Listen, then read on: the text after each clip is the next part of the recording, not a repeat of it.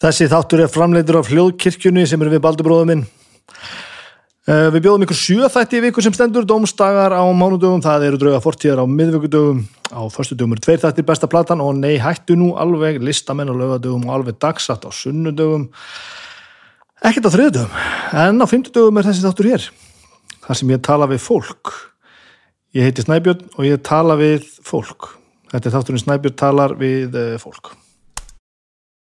fólk.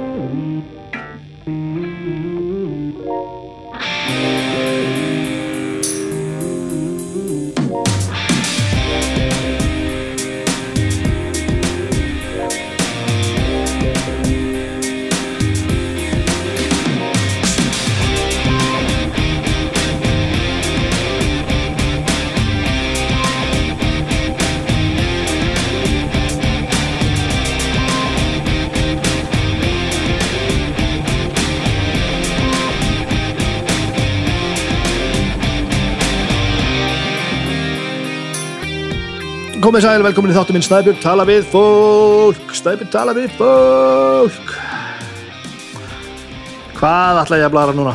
Eldgósið maður. Ég er ekkert búin að skoða þetta eldgós En ég skoða svolítið út úr gluggan hefur bara í gegnum sjónaukan sem ég kefti sé ég hérna það Reykjar bólsturinn skrýður upp fyrir sjónuldarhingin þá stekkja það á sjónaukan og horfi hér yfir hafið og sé eldglæringarnar skjótast upp úr upp úr berginu, þetta er impressiv sko. Og ég held ég verður kannski að sjá þetta í alveg ekki bara gegnum, gegnum sjónukan sko. En hann er hérna, stendur hérna uppstiltur bara á þrýfattinum og býður eftir næstu gussu, það er gott sko. Það er gott sko. Horfum á svo sjónvarpinu, búin að horfa hérna Falcon and the Winter Soldier. Marvel seríuna á Disney. Ljómaði gott svona dramastöf Marvel eitthvað að færa sig í drama aðeins minna overhead og meira drama. Og sá það hann í, WandaVision að þessi ekki er að stækka að horfa þetta hópin aðeins, fá að vera með svona tapir á hann að markað í þessum serjum minna svona típist overhead slagsmála eitthvað og meira svona já, svona drama.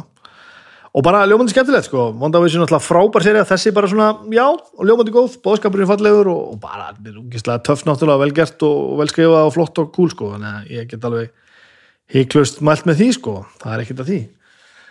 Það er ekkert að því, það er eitthvað fleira frétta sko. Ég ætla að nefna þetta með skálmandar bókina. Hún átti nú held ég að fara í dreifingu fara sérst átti nú að já, átti að fara í almenna sölu. Nei, átti að löngu fara í sölu en fyrstu eintökin átti að held ég að fara í post í lok april svo held ég að það hafi tafist eitthvað vegna þið vitið, COVID og það allt saman. Og hérna en það er verið að afgræða pantanir núna fullu. Þetta kemur alltaf frá útlöndum.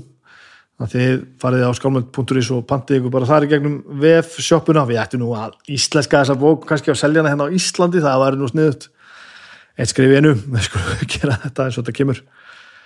Og ef þið fyrst eru komið það inn þá getur nú farið og kæft ykkur eitthvað fallegt. Vínilplötur til dæmis, getur kæft ykkur held ég, ég held að við með þá vínilplötur upptökur af tónleikunum í gamla bíói sem við tókum hann á loka tónleikandir bara í loka árs 2019 þannig bara síðast skipti sem ég spilaði þungarokk. Það er ekki gott sko. Það er ekki gott. Já já, koma tímar, koma ráð. Samstarfið við erum hérna með Símanum Pay. Símun Pay býður ykkur þennan þátt og uh, það er app sem ég nota uh, allada og legg bílnum mínum þvers og kruss. Þvers og kruss án endurgjalds, auka endurgjalds og, og afar einn einfalt í nótkunni ég er að fíla svona upp það sem að setja greiðslukortið sitt inn og það er að gera allan anskotan. Þar get ég lagt bílnum mínum uh, ég ætla til dæmis að panta mér hambúrgari hjá smass í kvöld og, og tróðin í alla familjuna að ég nenni ekki að gera neitt, það er gott veður og, og ég ætla ekki að tímanum í neitt. En ég ætla að sækja hambúrgara sem ég er búinn að panta með appinu og borga stíg svo bara fætti inn, á, inn, inn, inn fyrir hjá smass og sækja þetta og fer með þetta út í bíl og heim og treðu þessu í hausina á fólkinu mínu sem er frábært. E, stóru fréttina kannski það er að það er alltaf hérna, lettköpstilbúð á 50 dögum og þið sem hlustu að þáttu minn er svo lukkulega hann kemur í loftið mitt á 50 dögum þannig að stundum er takkmarka magnavörni þannig að þið getið farið strax og þið hlustið og tryggt ykkur það sem er í bóði tilbúið þennan 50 daginn er er rosalegt, það er í samstarfi við Macland.is og það er nú bara MacBook Pro. Það er MacBook Pro, bara ný MacBook Pro 13 tómið með M1 örgjörðunum uh, og við erum með uh, 256 gigabæta SSD drif 16 gigi vinsluminni og allt blúsandi, hrikalega töff á fullu verði þessi vél á 314.980 en á tilbúði 274.990 já hérna er það er nú bara þannig þannig að ég mæli mig því að þið farið í gegnum, þetta er bara fáanætt í gegnum, gegnum appið, Simin, Pay appið. Og þið getið farið með þetta í gegnum létt kaup það sem getið fresta greiðslu í 14 dag og dreift á fleiri, fleiri mánu og ég veit ekki hvað og hvað og hvað. Ef ég hef ekki verið nýbúin að kaupa þessa Mac mini vél sem ég er að horfa hérna á þá hefði ég farið að stokkja þessa vel það er nú bara þannig en ég læti þetta býða en þið hinn skuluð ekki gera það. Er, ó hvað er gaman að eiga nýja tölvuðar ógeðslega gaman, ógeðslega gaman. Fárulega skemmtilegt. Það er nú þannig, heyrðu nú mig. Þá er að máli málana um, ég var hjá hann um Óla sem var með kokkaflakið sem er nú hann er reyndar um, komin í pásu með kokkaflakið hjá hljóðkirkjunni. Ég var hjá hann uh, þegar hann sendi út uh, virtual vinsmakk vinstúkuna sem því verða kynningur, við veitum ekki hvað það er. Það er vinklúbur sem fáið vín sendt heim frá vinstúkunni og hérna uh, fáið bara sendt heim að dyrum og svo er tekið sumfundur að sem að er það sem að hlutin eru smakkaðir í beinni og sérfræðingar á vinstúkunni segi okkur allt sem að allt sem hérna, allt sem við þurfum að vita. Það var ekstra þáttur svolítið núna síðast vegna þess að og sem tengdist okkur Agnesi sem, sem satt báðum vegna þess að að þau var að para saman lettvín og ilmvötn úr Madison það sem Agnes vinnur. Og þó að hún hefði svo sem ekki verið beinleginnins að sjá um þetta þá bauð Óla okkur að koma og vera með sér en ekki vera, ekki, sagt, vera hans með við tölvuna. Og við, við drukkum vín og, og, og með góðu fólki og, og ilmuðum. Svo þegar þetta var búið þá bara drukkum við aðeins meira hann í ráleitum í afar litlu og vel, vel mönnuðu samsæti. Og við fórum alltaf að tala um líðandi stund og það sem er uppi á borði núna. Me Too og það allt saman og, og, og sett sín í skverjum og allir einhvern veginn sammála en þetta er erfitt mál og allt upp í loft eðlilega.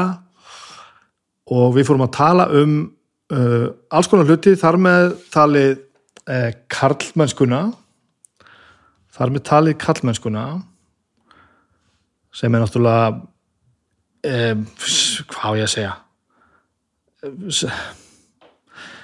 Þetta er alls konar, þetta er samfélagsmiðla fróðleikur, þetta er um, eins og ég talaði, hérna, nú er ég að fara að tala við hann Þorstein sem er náttúrulega stendur fyrir þessu og bjóð þetta alls saman til. Það er í allt í viðtalinu hvernig, hvernig þetta varð. Uh, hann er náttúrulega með óbúslega öflugan Twitter-account hérna, um, Instagram eða sér algjört gull, það skildu allir fylgjast með því og í guðanabænum farið og subscribeið og hlustið á uh, hlaðvarpiðans farið og hlustið á hlaðarpiðans kallmennskan, það er, það er, það er beautiful. Að hlusta núna nokkra þetta ég var nú búin aðeins má að tæpa á þessu áður en að þetta kom upp en, en ég fór að hlusta á miklu meira og þetta er bara eh, hispursleysi og innsægi sem hann að tala og það er ógeðslega mikilvægt. Og upp kom sem sagt að hvað hann var í óbúslega uh, færi að takla þessi mál og, og, og ég hef nú aðeins talað fyrir feminisma og jafnbretti hérna hjá mér. Og einhver stakk örgulega bara óli stakk bara upp á því að sagði sem svo að hérna að það væri örgulega gaman að heyra okkur tvo tala saman um þetta. Og ég sendi honum bara skilabóð um hæl að því mér varst þetta frábár hugmynd. Þegar heyraði spjallinu eftir ég var hérna þetta var alveg pínu bara erfitt. Og ég er alveg að, með þessu að gera það sem að ég vona sem flestir kynbræður mínu sé að gera. Ég er bara að reyna að gera það rétta. Uh, ég veit alveg að ég hef hagað mér eins og dólgur í gennum tíðina. Uh, ég vona að það liggi engin sár eftir það núti, ég get ekki verið vissuð um og ég hef verið leirittur í gennum tíðina sem betur verð og, og, og ég hef gett átt samtal það sem allir skilja sáttir. Ég er að reyna að læra og, og ég er að reyna að gera mitt allra besta og það er svo auðvelt að sitja bara og gera ekki neitt og segja ekki neitt en við megum ekki gera og við verðum að játa á okkur að við höfum einhver tíman haldið að eitthvað verið lægi sem var, var ekki lægi og læra af því og gera ekki við mistíkjum aftur. Um, við þólendur vil ég segja uh, að ég það er best að ég geri orð spörra vinna mín sérna þröstur, vinnu minn spörri setti hér fæsluðin á, við vonum honum sama, ég, ég kvóta hann hérna eins niðurlægi sem að nota hérna er briljant, ég heyri ykkur, ég trú ykkur ég sé ykkur og ég stið ykkur. Og við það ætla ég að standa. Um, þetta er ekkert óbúslega þungt spjall en það er mikið innihald. Hann hefur ofbúslega margt að segja kemur ofbúslega góðri átt uh, og munum að, að þessi átök sem við erum í núna eru til þess að búa, búa til betra samfélag og við verðum öll að taka þátt í því og þá er þetta betra fyrir okkur öll. Fyrir okkur öll. Um, ég kom inn eitthvað út í hotina ég ætla að hætta að tala, ég ætla að loka augunum og, og, og bara senda þetta frá mér. Við skulum hlusta á mig og Þorstein Vaff Einarsson tala, tala saman um alls konar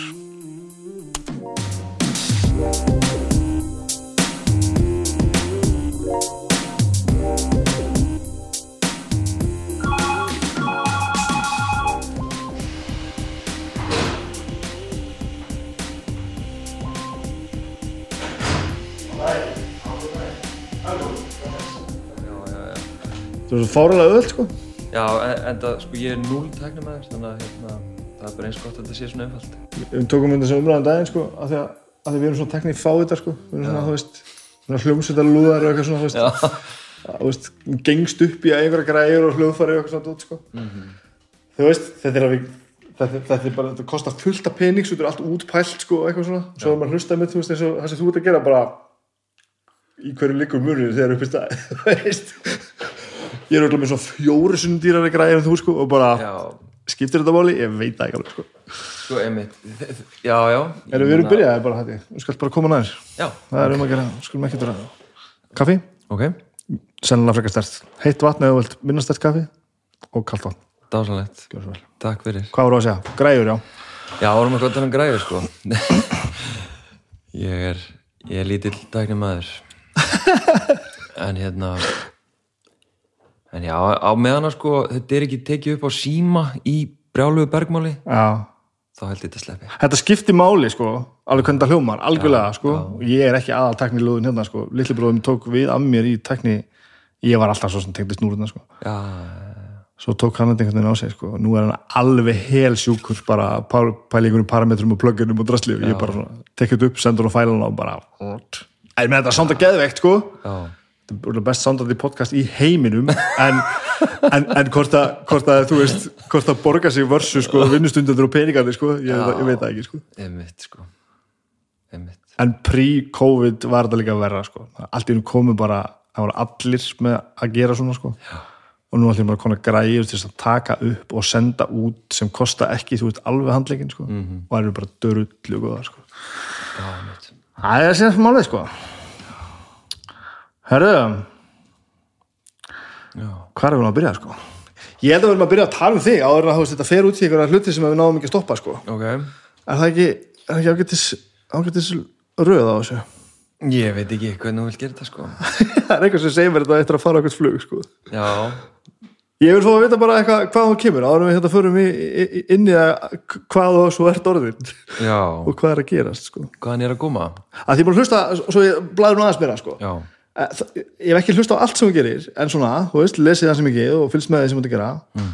og það svona lekur í gegn þessi maður sem að þú segist hafa verið sko. já, og ég veit ekki alveg hver það er sko. Ah, það er svona einhver svona, þú veist kannski hef ég bara ekki hlusta á þann þátt sko. að þú ert að tala svona um að hafa komið í menningu sem að ég, og ég næ ekki alveg að setja puttan á hvaða menninga er sko. segðu mér meira, Eh, hvað er þú þetta að lesi? þú ert svona eh, það sem ég er búin að heyra um það er svo sért svona, þú veist íþóttastrákur með í vörinni típan sko. Já, já. en ég hef aldrei heyrti segja langvæðlega það sko. Já, þú meinar. Ég har aldrei heyrt mig segja að ég er fyrirvændi kallremba. jú, ég verði að segja það, ok. allt, allt þetta sko. En ég veit ekki sko, hvaðan það kemur sko. Og eins og ég verði að segja sögulega með naglalakki sko, og Já. settir þú veist var ekki börnið sem maður já, ég var að vinna í félagsmyndstöð og já, og hérna, það var svona eitthvað þeng, tengt því, sko. að því ég er kallaremba sko, fyrirvæðandi vorandi í bata sko, Já, ok en, en þetta, eins og þetta mál eitthvað sem ég tengi ekkert við sko. naglalakk bara fyrst mér bara að það eru alltaf fundist frábært sko. ég kem ekki þessar átt sko. Einmitt, sko. og nú skulum við passa okkur sko. nú erum við strax fættir að tala sko. nú þarf ég að vita hvaðan það kemur okay. Hva, mér, hvað er þetta að byrja? bara, hvað er þetta fættur, hvaðan kemur ég ég sko ég fættur á selfossi en ég hef nú enga minningar frá Selfossi uh, ég ég tengi mig alltaf bara við gráin ég ólst upp í grái og uh, þú veist mér er svo flókið að segja einhvern veginn frá svona þe- þessum hlutu, svona æskunum minn og eitthvað út af því að hérna já, maður veit ekki hvað maður á að segja. En, en hérna sko, hversu persónult þetta á að vera. En ég meina mamma eignast mig þegar ég er hérna nei þegar hún er, þegar ég er. Mamma eignast mig þegar ég er eitthvað gaman. Sko, mamma er átján, 17, 18 ára þegar hún eignast mig. Og, og hérna, ég veit að amma og afi tóku rosa sko mikla ábyrð á uppeldinu, kannski full mikla að mömmumati, ég held að mamma hef ekkert alltaf verið mér sátt hvað amma og afi voru alltaf að, að skipta sér að mér. Um, ég náttúrulega er lang elsta barnabandi hjá mafa, þannig að þau byrja bara strax, veit ég og hef heyrst setna mér að daldi svona skipta sér að uppeldinu og, og hérna, og voru mikið að degra mig og, og, og það er svona gríni í fjölskyldinu sko að ég sé uppáhalds barnabandið og allt þetta. Uh, en mamma er svona dálítið svona mikið að flytja pappi minn er, er hérna lítið í myndinni.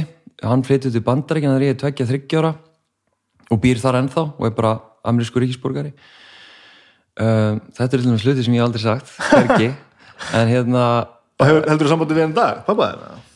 sko litlu það hérna, já, svo er einhver svona saga hann á bakvið sem að ég, ég veit ekki alveg alveg um, sko, hvers vegna það er lítið samband þú veist, hverju voru ástæðan og allt þetta en allavega, þannig að ég elst rosa mikið upp hjá um og afa þau bú alltaf í gráðunum og hérna í fóldakurinu, þannig ég er í fóldaskóla í tíu ár, mamma er svona aðeins að flytja í hérna milli íbúða og svona þannig að þau eru svolítið svona mitt ef að segja, akkir getur við sagt. Og, og svona kannski fyrsta einhvern veginn heimili eða æsku heimili, það er hjá um og afa. Um,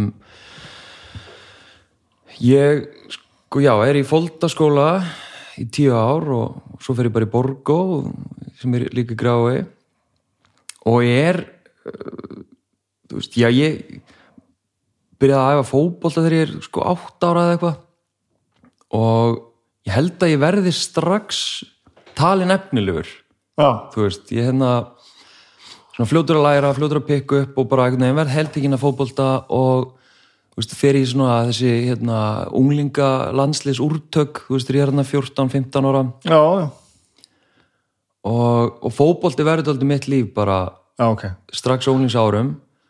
Og, og er þar að leiðandi held ég svona nýtt ég svona félagslega vinsald getur við sagt í grunnskóla. Um, og er svona í stórum vinahópi sem er dóldi dominerandi og svo fylgir það mig líka upp í framhaldsskóla þannig að já, ég er þannig að þessi fótboltagæi frekar svona góður í fótbolta marga vini í þessu vinsala krúi. Þannig að hérna já og og þaðan er þetta aldrei svona þetta sem ég kalla í dag þessi, þessi þetta karlrembu element mitt sko. Það er, já, já ég þekki, þekki get bent á marga sem var sem, sem varu einmitt koma á svipum aðstæðu, sko, sem að ég já. Þannig að hérna, heldur þú að fatta þetta þá? nei, nei, nei, nei, nei, nei guð minn góður maður, ég hérna mér fannst ég alltaf vera bara drullu næs gaur sko og hérna og var náttúrulega ekkert að spá í neinu skilur, ég var bara að spá í fótbolta og hérna svo er ég bara að spá í því sem að vinni mínu voru að spá í og, og hérna þú veist, ég ég er hérna, ég líka ég hætti að drekka já og not, nota meira með því þegar ég er 23 ára. Um, ég held ég hef sjaldan sagt þetta líka sko að þannig ég sko, já, er er óvirkur alkoholisti 13 ár. Um, þannig að hérna og mentaskóla árin og svona þú veist, upp undir tvítuð þá litast það daldið af svona tvöföldu lífi. Ok, það litast algjörlega tvöföldu lífi að ég hérna þú veist og til þess að setja í samingi bara til, veist, til þess að kannski gefa fólki smá insinn í hvers konar svona ég veit ekki, hver- hvers konar lífi ég var að lifa og hvers konar ímynd ég var að spila að þú veist, ég er hérna upp yngri flokkana er ég í fjölni og skipti á held ég næst elsta ári í Breiðablik sem þá voru bara svona besta liðið sko. Og, og fjölnir fram að þeim tíma hafi verið svona besta liðið í, í mínum árgangi. Og ég er í fjölni, þú veist, ég er hérna besti leikmaður þar uh, samkvæmt, þú veist, alltaf svona valið eitthvað svona, svona velun afhendingar, þú veist, besti leikmaðurinn. Og ég er að gefa svona insýn í sko, segja félagslegan status minn og, og hérna og, og, svona þannig að fólk var svona tilfinningu fyrir þessari ímynd sem að ég þurfti líka að fylla upp í. Mm -hmm.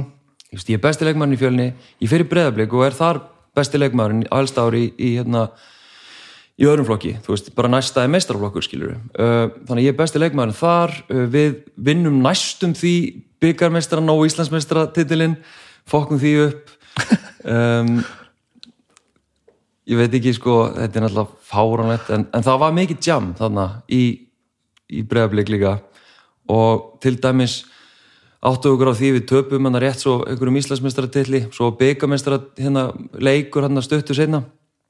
Og við svona hugsaðum strákandir hann að við þurfum eitthvað að þjapa okkur saman fórum á fyllir í sko tveimur að þremur dögum fyrir úrstölduleikin þetta er fáránlegt sko. Upp, erum, til þess að bæta móra já til að bæta veist, þetta er, er rugglað sko.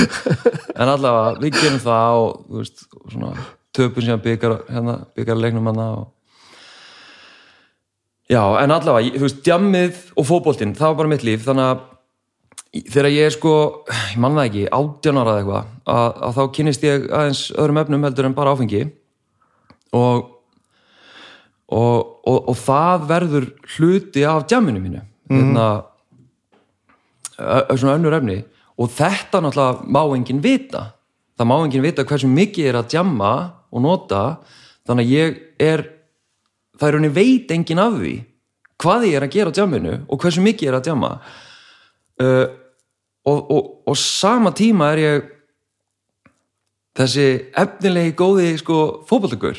Já, þannig að og svo er ég þannig komin í, í, veist, í ég er hann að vara markmaður fyrir Hjörvar Hafleðarsson í breðablík á þessum tíma, þannig tvö ári breðablík eftir ég er hættur í hérna örnflokki og og þá náttúrulega er ég farin að óttast þú veist, þannig er ég, hvað, 19, 20 þannig er ég farin að óttast sko að ég verið settur livjapróf já. Hvað það gerir fyrir fyrirlin minn af því að ég var ekkert nefn fótboltakur, það var bara sjálfsmyndi mín vinsal í fótboltagæðin mín sjálfsmynd byggðist upp á því að vera vinsal og góður í fótbolta.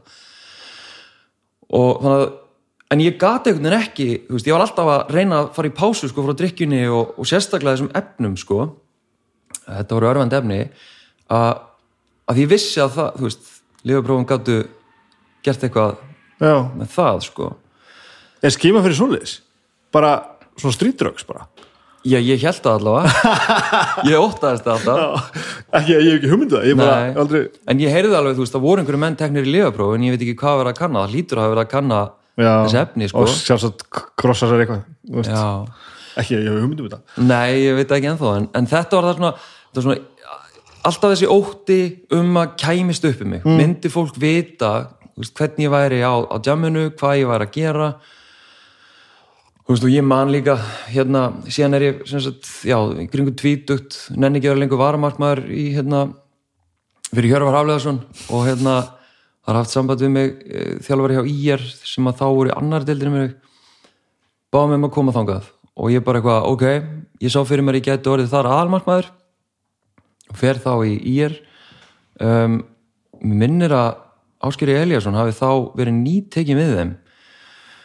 Og og hérna já og ég fer þá í IR og, og þú veist og þar er bara einhvern veginn sama djammið sko, ég meina fótboltin er dóltið svona djam allan á þeim tíma þrátt fyrir að það hafi verið æft næstu á hverjum degi og, og einhvern veginn allir ætla sér á atvinnumenn og fá borga fyrir þetta. Og ég meina þannig í annari deildinni hvað er árið? 2007 held ég 8 ég man ekki nákvæmlega.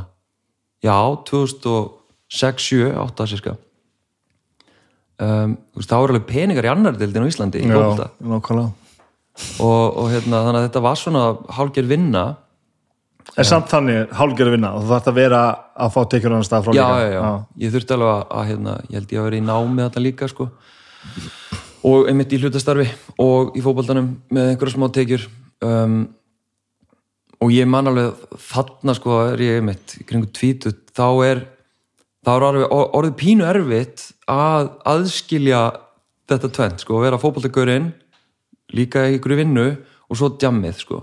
Og ég man alveg að og þannig undir restina, þú veist, þannig er ég alveg að fara að hætta að drekka að undir restina var ég alveg frá að mæta fullustundum á æfingar, þú veist, sem að vorum helgar.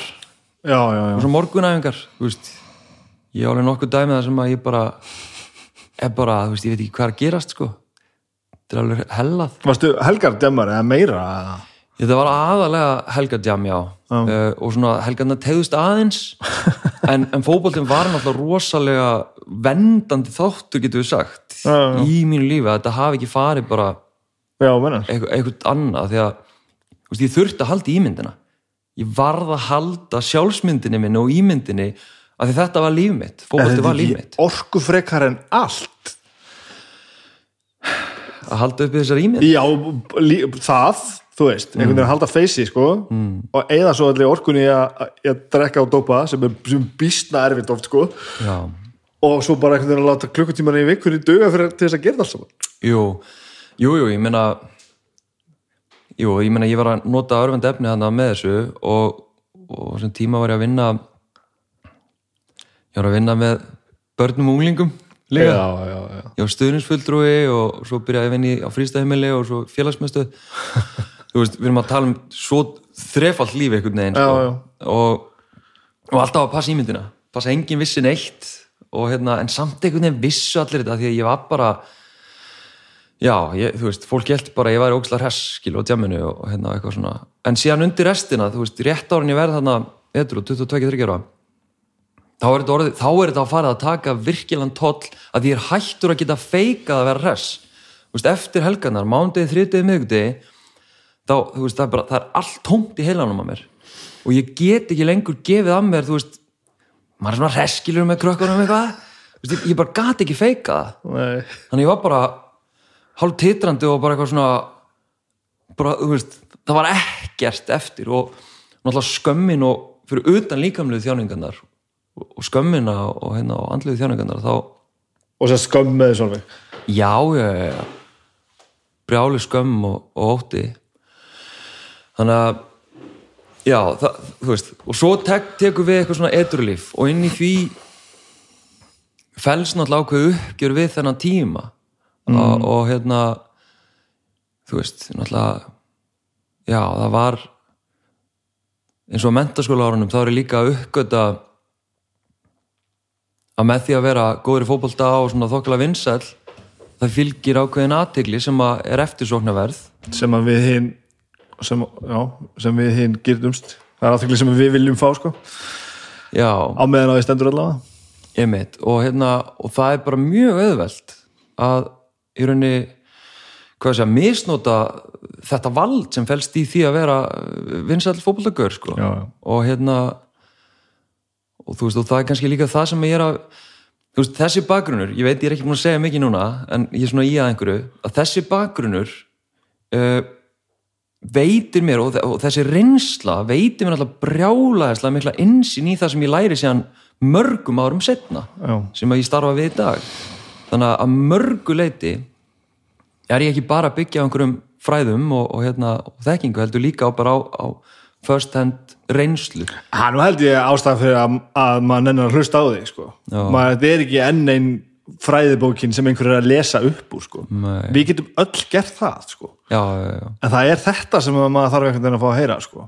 einhver sem maður samsvarar sér með Mhm. og veit hefur eitthvað, eitthvað um þetta að segja sko. eins og ég segi, ég vissi ekki nákvæmlega ég hef kannski einhvern tíma að það hefur verið fótballtastrákum sko. ég vissi þetta til þess ekki sko. Nei, nei, nei. þannig að þú veist, þetta gerðin að smittar yfir það sem þú ert að segja því að þegar þú ert að tala og bara, ok, þetta meikar allt sens.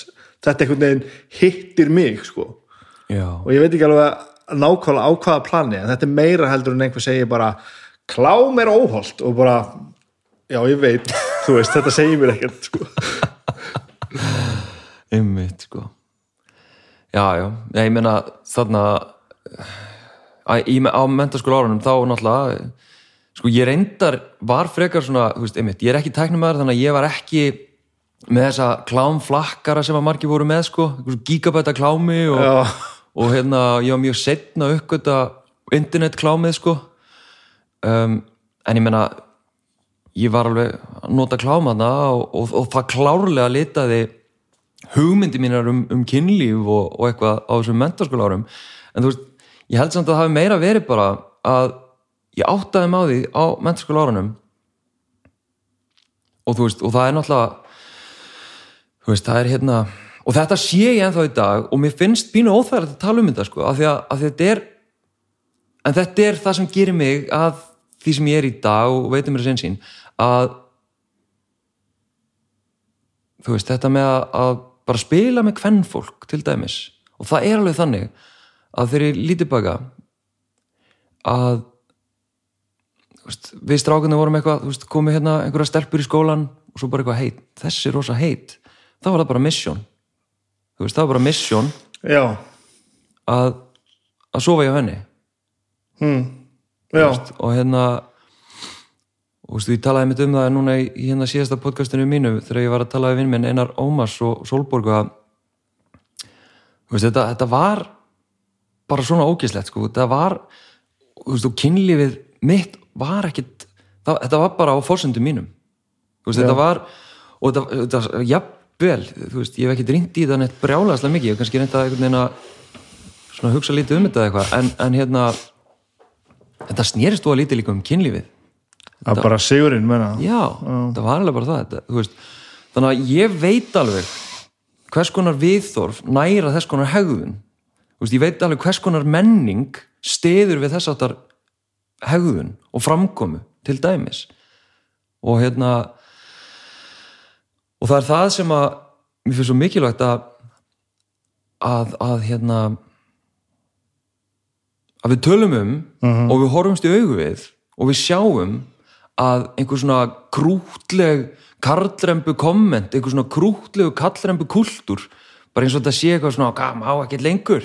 Veist, þetta nærir þetta ofbeldi sem er að koma upp á yfirborða aftur núna í setni bylgjum í tú veist, það er, það er nákvæmlega þetta sem að nærir ofbeldi sem að við búum við. Og svo er ógæslega hissa að það sé eitthvað ofbeldi og höldum alltaf að þetta sé bara einhverjir, einhverjir já, ég meina, hann er náttúrulega algjör narcissisti þessi, sko. Já, kannski eru einhverjir narcissistar og sækopatar sem beita ofbeldi. -hmm. en ofbeldi er miklu, miklu meira heldur en bara það að sé einhverju örfáir gæjar sem að eru ógeð. Veist, þetta, þetta liggur í þetta liggur svo djúft í einhverjum svona viðteknu ráðandi viðþórum og, og kultúr sem að sem að, einmitt, góðir strákar eru hluti af, sko. Það sem þú ert að segja þetta með, með þetta mission sko, þegar sætstarpan byrtist og þú setur þetta sem mission að- ná henni þú veist. Ég var ekki þessum, þessum hópi sko. ég var ekki, ekki vinsalli ekki, ekki vinsalli sko, fótbollstrákurinn ég, ég var meira nörd sem átti ekki sen sko. já, já, já, uh, en ég tek hins vegar þetta með mér sko þar vegna þess að það sem gerist hjá mér er það að stelpan kemur inn í herbyggu og ég segi á þetta á aldrei eftir að koma fyrir mig.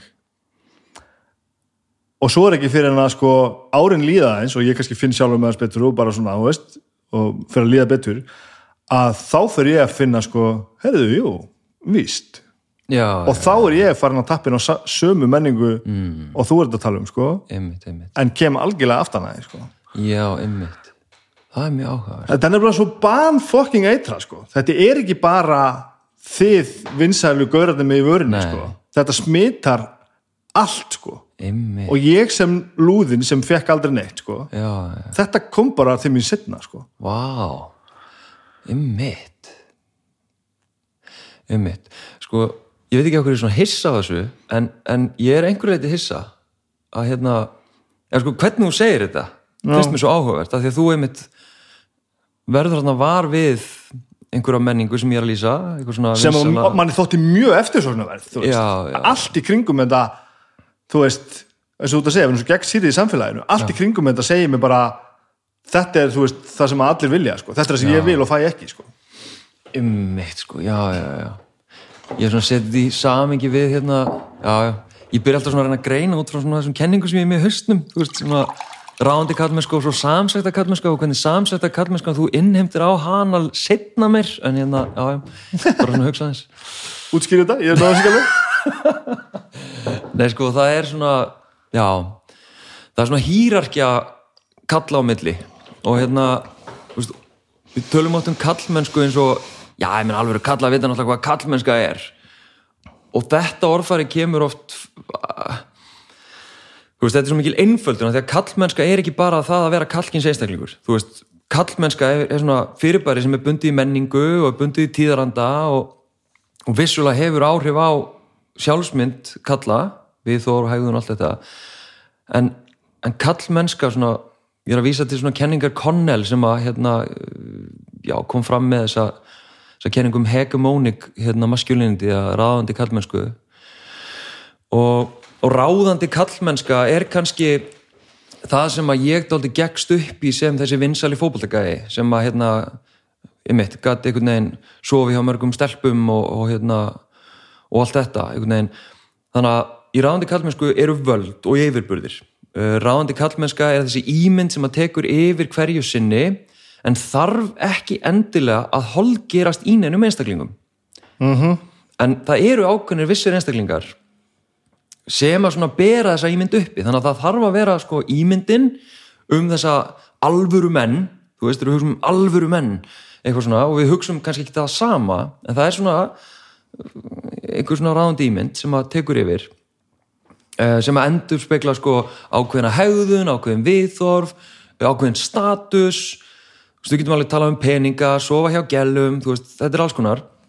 Mm, sem að veitir þá ákveðina yfirbyrði í, í ákveðinni, ákveðinni kreðsu, ákveðinu menningu og, og, hérna, og ég ætla ekki að flækja neitt mjög en þetta er algjörlega staðbundi, þetta er glóbal þetta er svona eitthvað, allavega ráðandi kallmennska tekur yfir og það er kannski ef við setjum þetta á okkar svona, það sem við erum að tala um mm -hmm. ég svona liði kannski upp í einhvers konar ráðandi kallmennsku, þannig að fókbaltagæðin í mentaskóla sem að eitthvað, hafði svona ákveðin völdu áhrif og, og þú horfður á það og svona ekki endilega mig en þú veist á menninguna mm -hmm. þú veist, og nærið ekki að lifa upp í þessa ímynd. Já, en hins vegar að þá sérðu þessa ímynd og þetta er eitthvað sem þið langar og þú getur notið góðsaði í formi samsektar kallmennsku sem er þá næst undir hýrarkínu og þú innheimtir út á þessa samsektar kallmennsku setna meir. Já, já. Veist, þannig að það er svona að tala um að samsektar kallmennskan er semst ráðandi kallmennskan völd og yfirburðir og tákn og ímyndir ráðandi kallmennskuna leka niður á mm. Flesta kallmenn sem að hafa burði til þess að innhemt út á hana.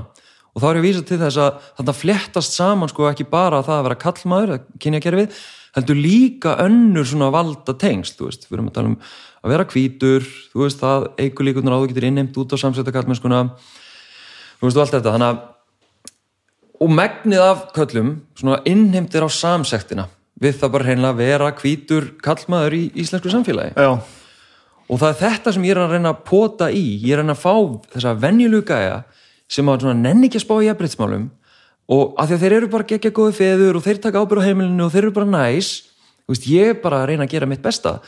Það þarf meira en það til þess að breyta og augra þessar ráðandi ímynd sem að heldur veist, heldur öllu hérna niðri í rauninni með því að gera ekki neitt. Þannig að við þurfum aktíft að augra þessar ráðandi ímynd. Við þurfum aktíft að gangast við fórhundum okkar og svo flækist það ennþá meira að því að undir samsæktinni eru síðan sko svona jaðarsett kallmennska eða, og þetta er náttúrulega mjög einf, veist, þetta er einfaldað, þetta er svona kenningin í grunninn. Er þessi jaðar kallmennska og, og þar fléttast líka svona annars konar kallmennska það sem að hérna, það sem að strákar eða kallar sem að þú veist, við getum alveg talað um kannski einhvers konar svona verkamanna kallmennska bara hérna kallar sem að í rauninni eru að einhverju leiti jáðsettir, þú veist, hafa lítið á milli handana uh, einhvern veginn geta bara enga veginn lifað upp í þessar ráðan dýmynd njóta kannski lítillar samsækta kallmennsku mm -hmm. og hérna og þegar ég, einhver, einhver dúttir síðan að gaggrina kallmennsku og þá er það kannski þessar típur af kallmönnum sem að taka gaggrinni persónulega.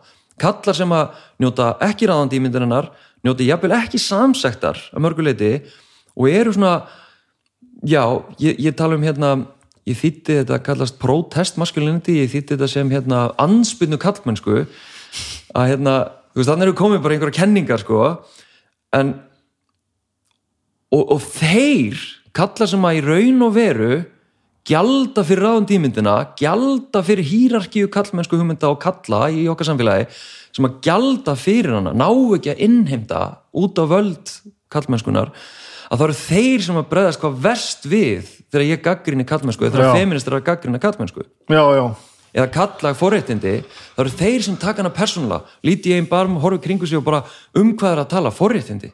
Um hvað er að tala? Og byrja svona hérna, taka til varna fyrir kallana þú veist, þú eru að venda hérna kallana sem að verða fyrir árás en sjá ekki að þeir eru að verða undir hýrarkíu kallmennsku hugmyndana að fattur hvað er að fara? Já, svo alveg. Þú veist, að, hérna, og þetta er það sem er svo erfitt í þessu að reyna að fá kalla. Þú veist, við getum alveg talað um kalla sem að fá kannski ekki að umgangast börni sín, kalla sem að eru beittur á ofbeldi, kalla sem að eru fastir í hérna einhverju lálunadjópi og þurfa að vinna fjórfalda vinnu til þess að hafa í, í sig og á og vil sjá fyrir fjölskyldunni sinni. þú veist, við erum að tala um þetta. Þú veist, þeir eru að verða undir einhverju einhverju hýrarkíu kallmennsku hugmynda sem að samfléttast líka við uh, misskiptingu fjármagn í okkar samfélagi. Kapitalismi, já, já, skilur þetta samfléttast allt saman. Og þegar ég er að gaggrina kallmennsku hugmyndir þá er ég ekki að gaggrina kallhins einstaklinga. Heldur er ég að gaggrina það að við sjáum ekki Matrixið, við sjáum ekki við erum öll undir einhverju háð einhverjum lögmálum og einhverju shiti og, hérna, og þrátt fyrir að við finnum ekki persónulega hvernig þetta kerfi veitur okkur forréttindi öllum hvítum köllum að þá almennt gerir það og hérna og, veist, við öll njótum góðs að því að, að augra þessu kerfi sko. Heldur við séum ekki, þú veist vitum við þetta ekki finnum við þetta í alvörun ekki að, veist, að það sé auðveldra að vera hvítur kallmaður heldur en ekki Ég efast ekki um það að sumir upplifa það ekki. Sumir upplifa það ekki. Ég bara, þú veist já, ég bara hef talað við alls konar stráka og, og kalla ónættilega sko, gegnum samfélagsmiðlinn og að því náttúrulega líka að fara með fyrirlestra bara út um allt sko á vinnustæði og hérna grunnskóla og framhaldsskóla og háskóla og þú veist, ég tala við alveg ótal fólk sem að hefur svona bara í einlægni opna sig og bara vill svo mikið vera svona sammála mér og, og vera aktífir í þá er ég að vísa til kallaða drengja sem vilja vera aktífir í svona jafnréttsbaratu en þetta svona situr í þeim en mér finnst ég samt vera undir. Já, ég skil þig. Þú veist, og lýsa kannski aðstæðum sín og ég er svona já, þú veist, ég skil hvernig þú getur upplifað, ég skil það að því að þá kannski oft, ekki alltaf en oft er samanburðurinn um, ekki kannski réttmætur. Þar sem að hann er kannski að meða sig við um, hvíta millistettakonu sem að hefur náð ánangri í veist, við verum að bera saman epli og epli og appisinu og Já. appisinur við getum ekki borið saman hérna, bara hort á einhverja konu sem hefur náð fram á árangri og býr við völd. Bara eitthvað já, sjáðu, það er bara konur eru bara búin að taka yfir. Þú setta ekkert í samengi við alla hýrarkíuna og, og öll kerfin og allt sittið sem er í samfélagin okkar. Þannig að hérna, þú veist, kynjabreitan er eitt og náttúrulega algjörlega fundamental breyta í þessu en, en, en hún er ekki hún er ekki ein og sér það sem að býr til mismunun eða, eða, eða shit í okkur samfélagi. Nei. Vá, þetta er rosalegt sko. Gaman sko að heyra þetta sett í orð sko. Já, af því að ég held að séu rosa margir eins og ég sem að eins og þetta segja þetta með sko með þú veist flokkan á kallmennskunum og þetta þú veist, að að búið að greina þetta svona fyrir mann þá er svona, ég veit það maður allt í hennu meikar þetta einhvern veginn senn sko. Já, já, þetta er eitthvað sem maður veit en þú einhvern veginn næri ekki alveg að, svona, að faðma. Og skemmtilegt að heyra svona einhverja, já, svona einhverja greiningu á þessu sko.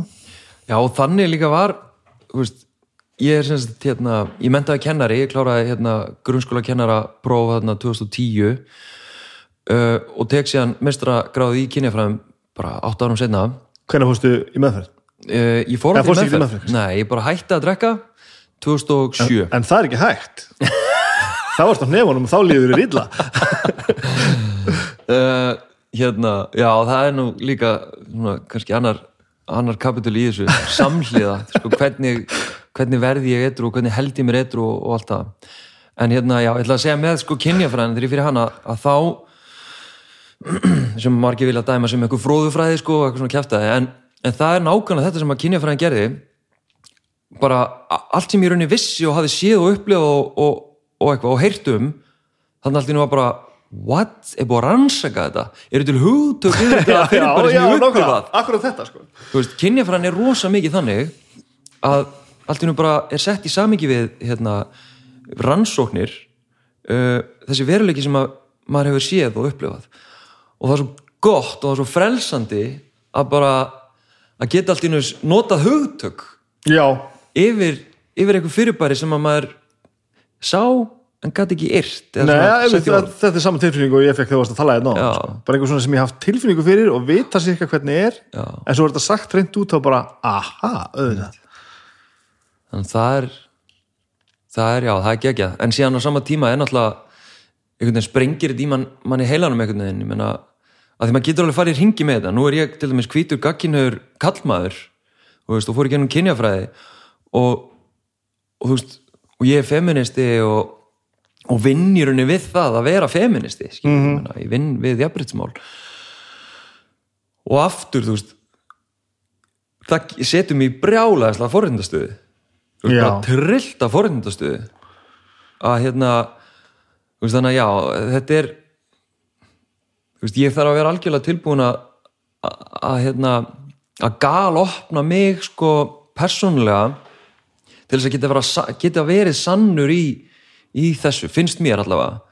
Þannig að síðustu ár hérna, þú veist, ég svona vakna til lífsins um, um kynjakerfið og, og þessa kynjun og kallmennskuna og allt þetta cirka 2014 en lærið ekki formlega fyrir svona upp úr 2018 en á þessu tímabili er ég samt í brjálaðislegri sjálfskoðun og svona rýni mín viðþorf og sjá all, allt þetta shit sem er í kringum mig og, og mynd skoða fortíðana mína og bara, oh my god bara ógeðslega óþæðrætt og ég tala stundum um að ég hafi farið svona í gegnum svona hakka vel feministmans í rauninni, persónulega ekki einhver gerði það við mig heldur ég bara, ég vildi sjálfur bara uppræta, reyna að sjá alla þessa kallrembu þræði í mér og, og reyna að losna undan því núna sjö árum setna, veist, þetta er ennþá í mér Já. eins og þú sagðir, þú, þér finnst þú sjá svona eitthvað sem ég er að tala um að ég hafi verið fyrir undir kallremba í því sem ég er að gera -hmm.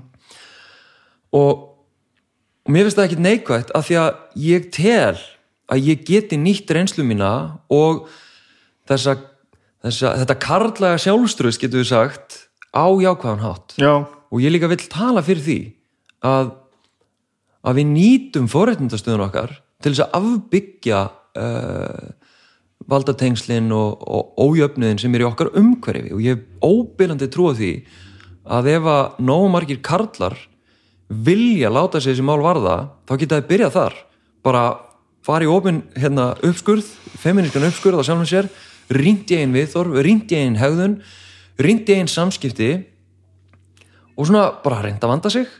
Bara, bara það að í alvörunni við gætum gert svo fáránlega stóra hluti á sama tíma og við þurfum alltaf að vera meðvitað um þú veist, hversu hérna já, forréttindin þau eld okkur áfram, jafnvel þrátt fyrir að við reynum að, að hérna, nýta þetta góðs og, og jafnvel afneitt okkur einhverjum forréttindum og svo framvegis. En þau munu halda áfram að eld okkur sko. þarna komum við samt að sko erfiðum, erfiðum málunum. Veist, þarna komum við að að því af hverju þetta gerist ekki. Já, þú veist það telur sig enginn vera kallrembu. Þú veist, hefur hitt rasista sem heldur hann sér rasisti? Nei, Þa, það er aldrei þannig. Þú heldur alltaf að þú hefur rétt fyrir þér. Og, Já. og, og þú veist ég held ég einu skiptin sem að maður upplifið sig eins og e, e, fyrst þegar ég gætt sagt að ég var í kallremba það var þegar ég fatt að fucking shit hvað ég er mikil dólgur sko. Og það er bara svona einhver, einhver svona nokkur ég segi ekki kannski atvik en bara svona, ég- ég- ég veist, einhver tími sem líður og maður svona nær að fjar- fjarlæga sjálfa sig og svona bara og þá fyrir að sjá bara, heyrðu ég er bara ekki með stýrið alveg á réttir í leið sko.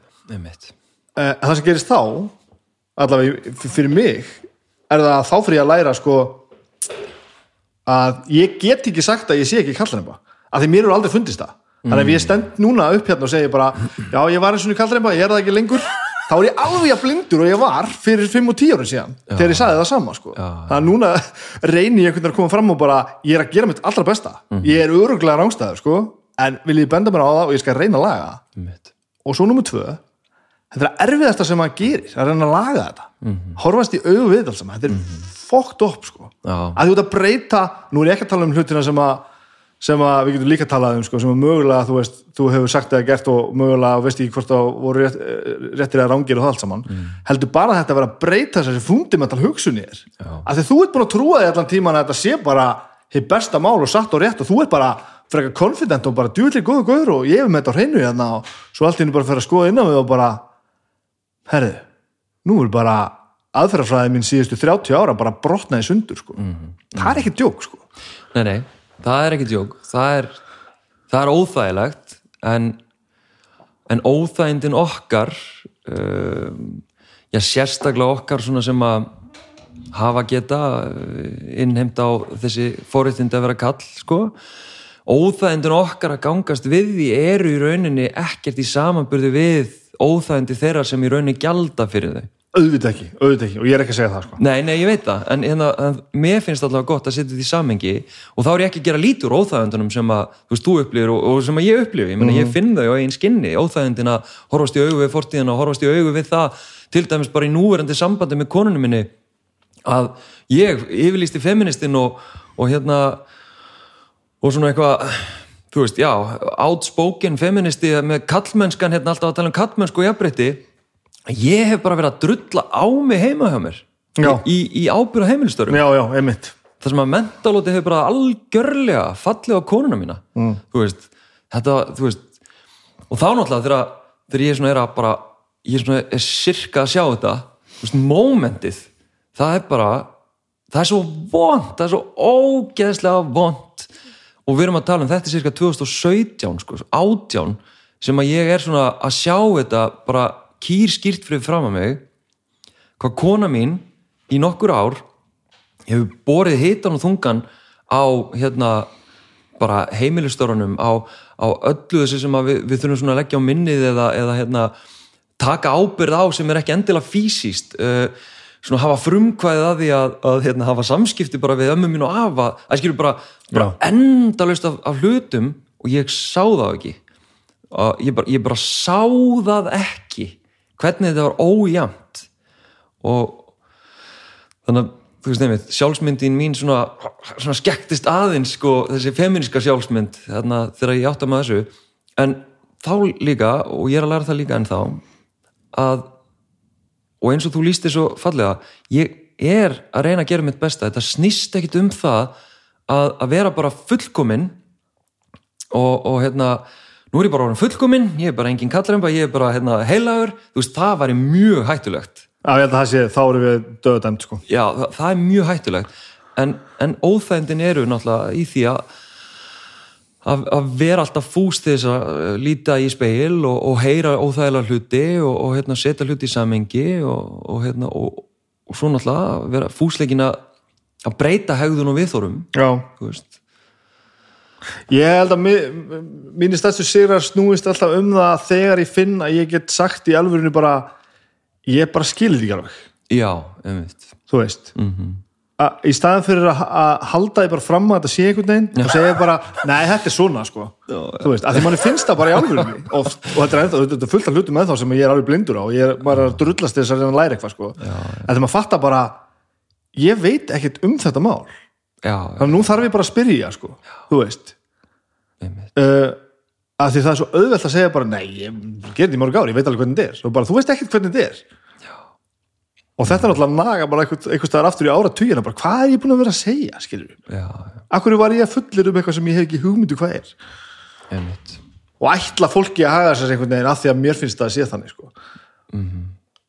Viltu fara nánar í það? Hvað er það að meina nokkulega? Ég er svo sem ekki að tala um þetta alveg sérstætt núna. Um, ég get alveg týnt eitthvað til sko. um, það sem ég, það sem ég verið að mig af í sambandi við þessar MeToo-byltingar sko, að þegar fyrsta hérna MeToo-byltingi var alveg svona svona uppljómi fyrir mig að bara hefðu, djúvill þarf maður að, að rétta stýrið af sko, þetta er og ég vona að ég sé, þú veist sæmilega á þurru landi sko, ég veit það ekkert sko mm. það er það sem að, að þetta opnaði augum hans fyrir, bara, ég veit það ekki og það er náttúrulega það sem er svo hrikal óþægilegt sko. já, já, en það sem ég kannski að, að, að vísa í kannski svolítið með þessu er hérna ég ætlaði alltaf fólki bara að svara fyrir sig sko. mm. að ég geti bara sagt það sem ég vildi já, og aðri þyrftu þá bara að segja eitthvað móti sko. og svo var ég alltaf til í reyfrildi sko. og það var alveg saman eiginlega hvað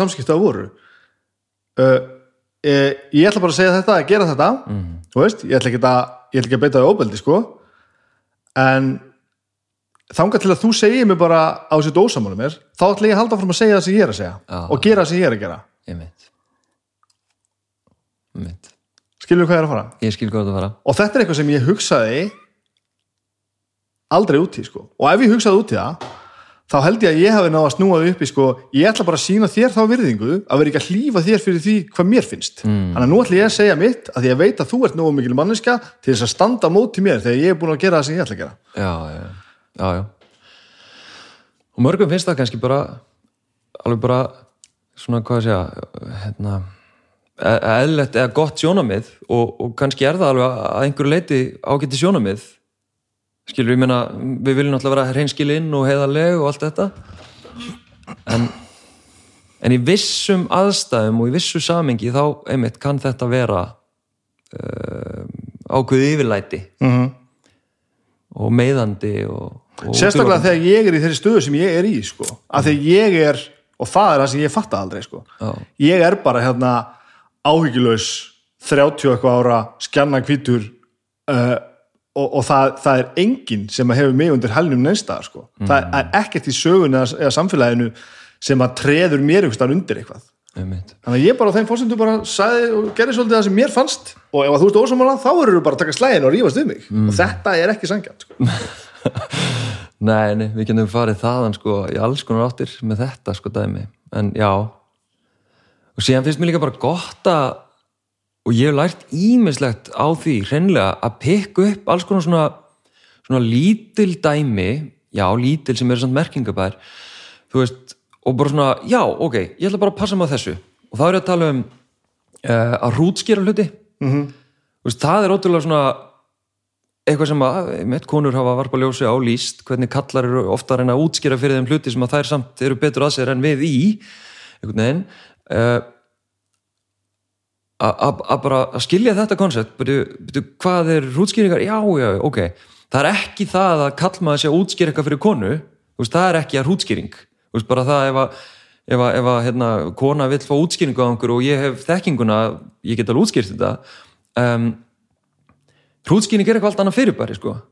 Þannig að þegar ég lærði það þá bara svona, já, já, já, ok.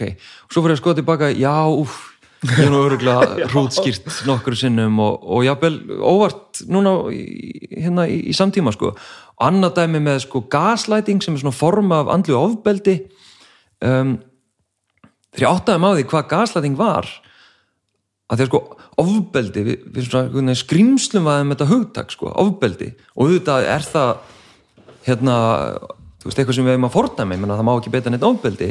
En ofbeldi er svo miklu miklu meira heldur um bara eitthvað svona hérna, líkamlegt eða gert af ásetningi og eitthvað svona ógæslega brútal já, af ásetningi. Gaslæting er, forma af ofbeldi og og getur byrst í því til dæmis bara að, heimaðu mér þegar ég er að, hérna, veist, ég og, og kona minn hölda erum eitthvað svona ósátt með eitthvað, erum að rökrað um eitthvað sem að, hérna, er einhvern veginn að, ég er vel gaslætað og bara svona já, nei, þú bara ert ekki að skilja þetta, þú veist, þú, hérna nei, nei, nei, þú ert ekki að upplifa þetta svona. Eða, þú veist, Já. ég er að taka eitthvað svona dæmi.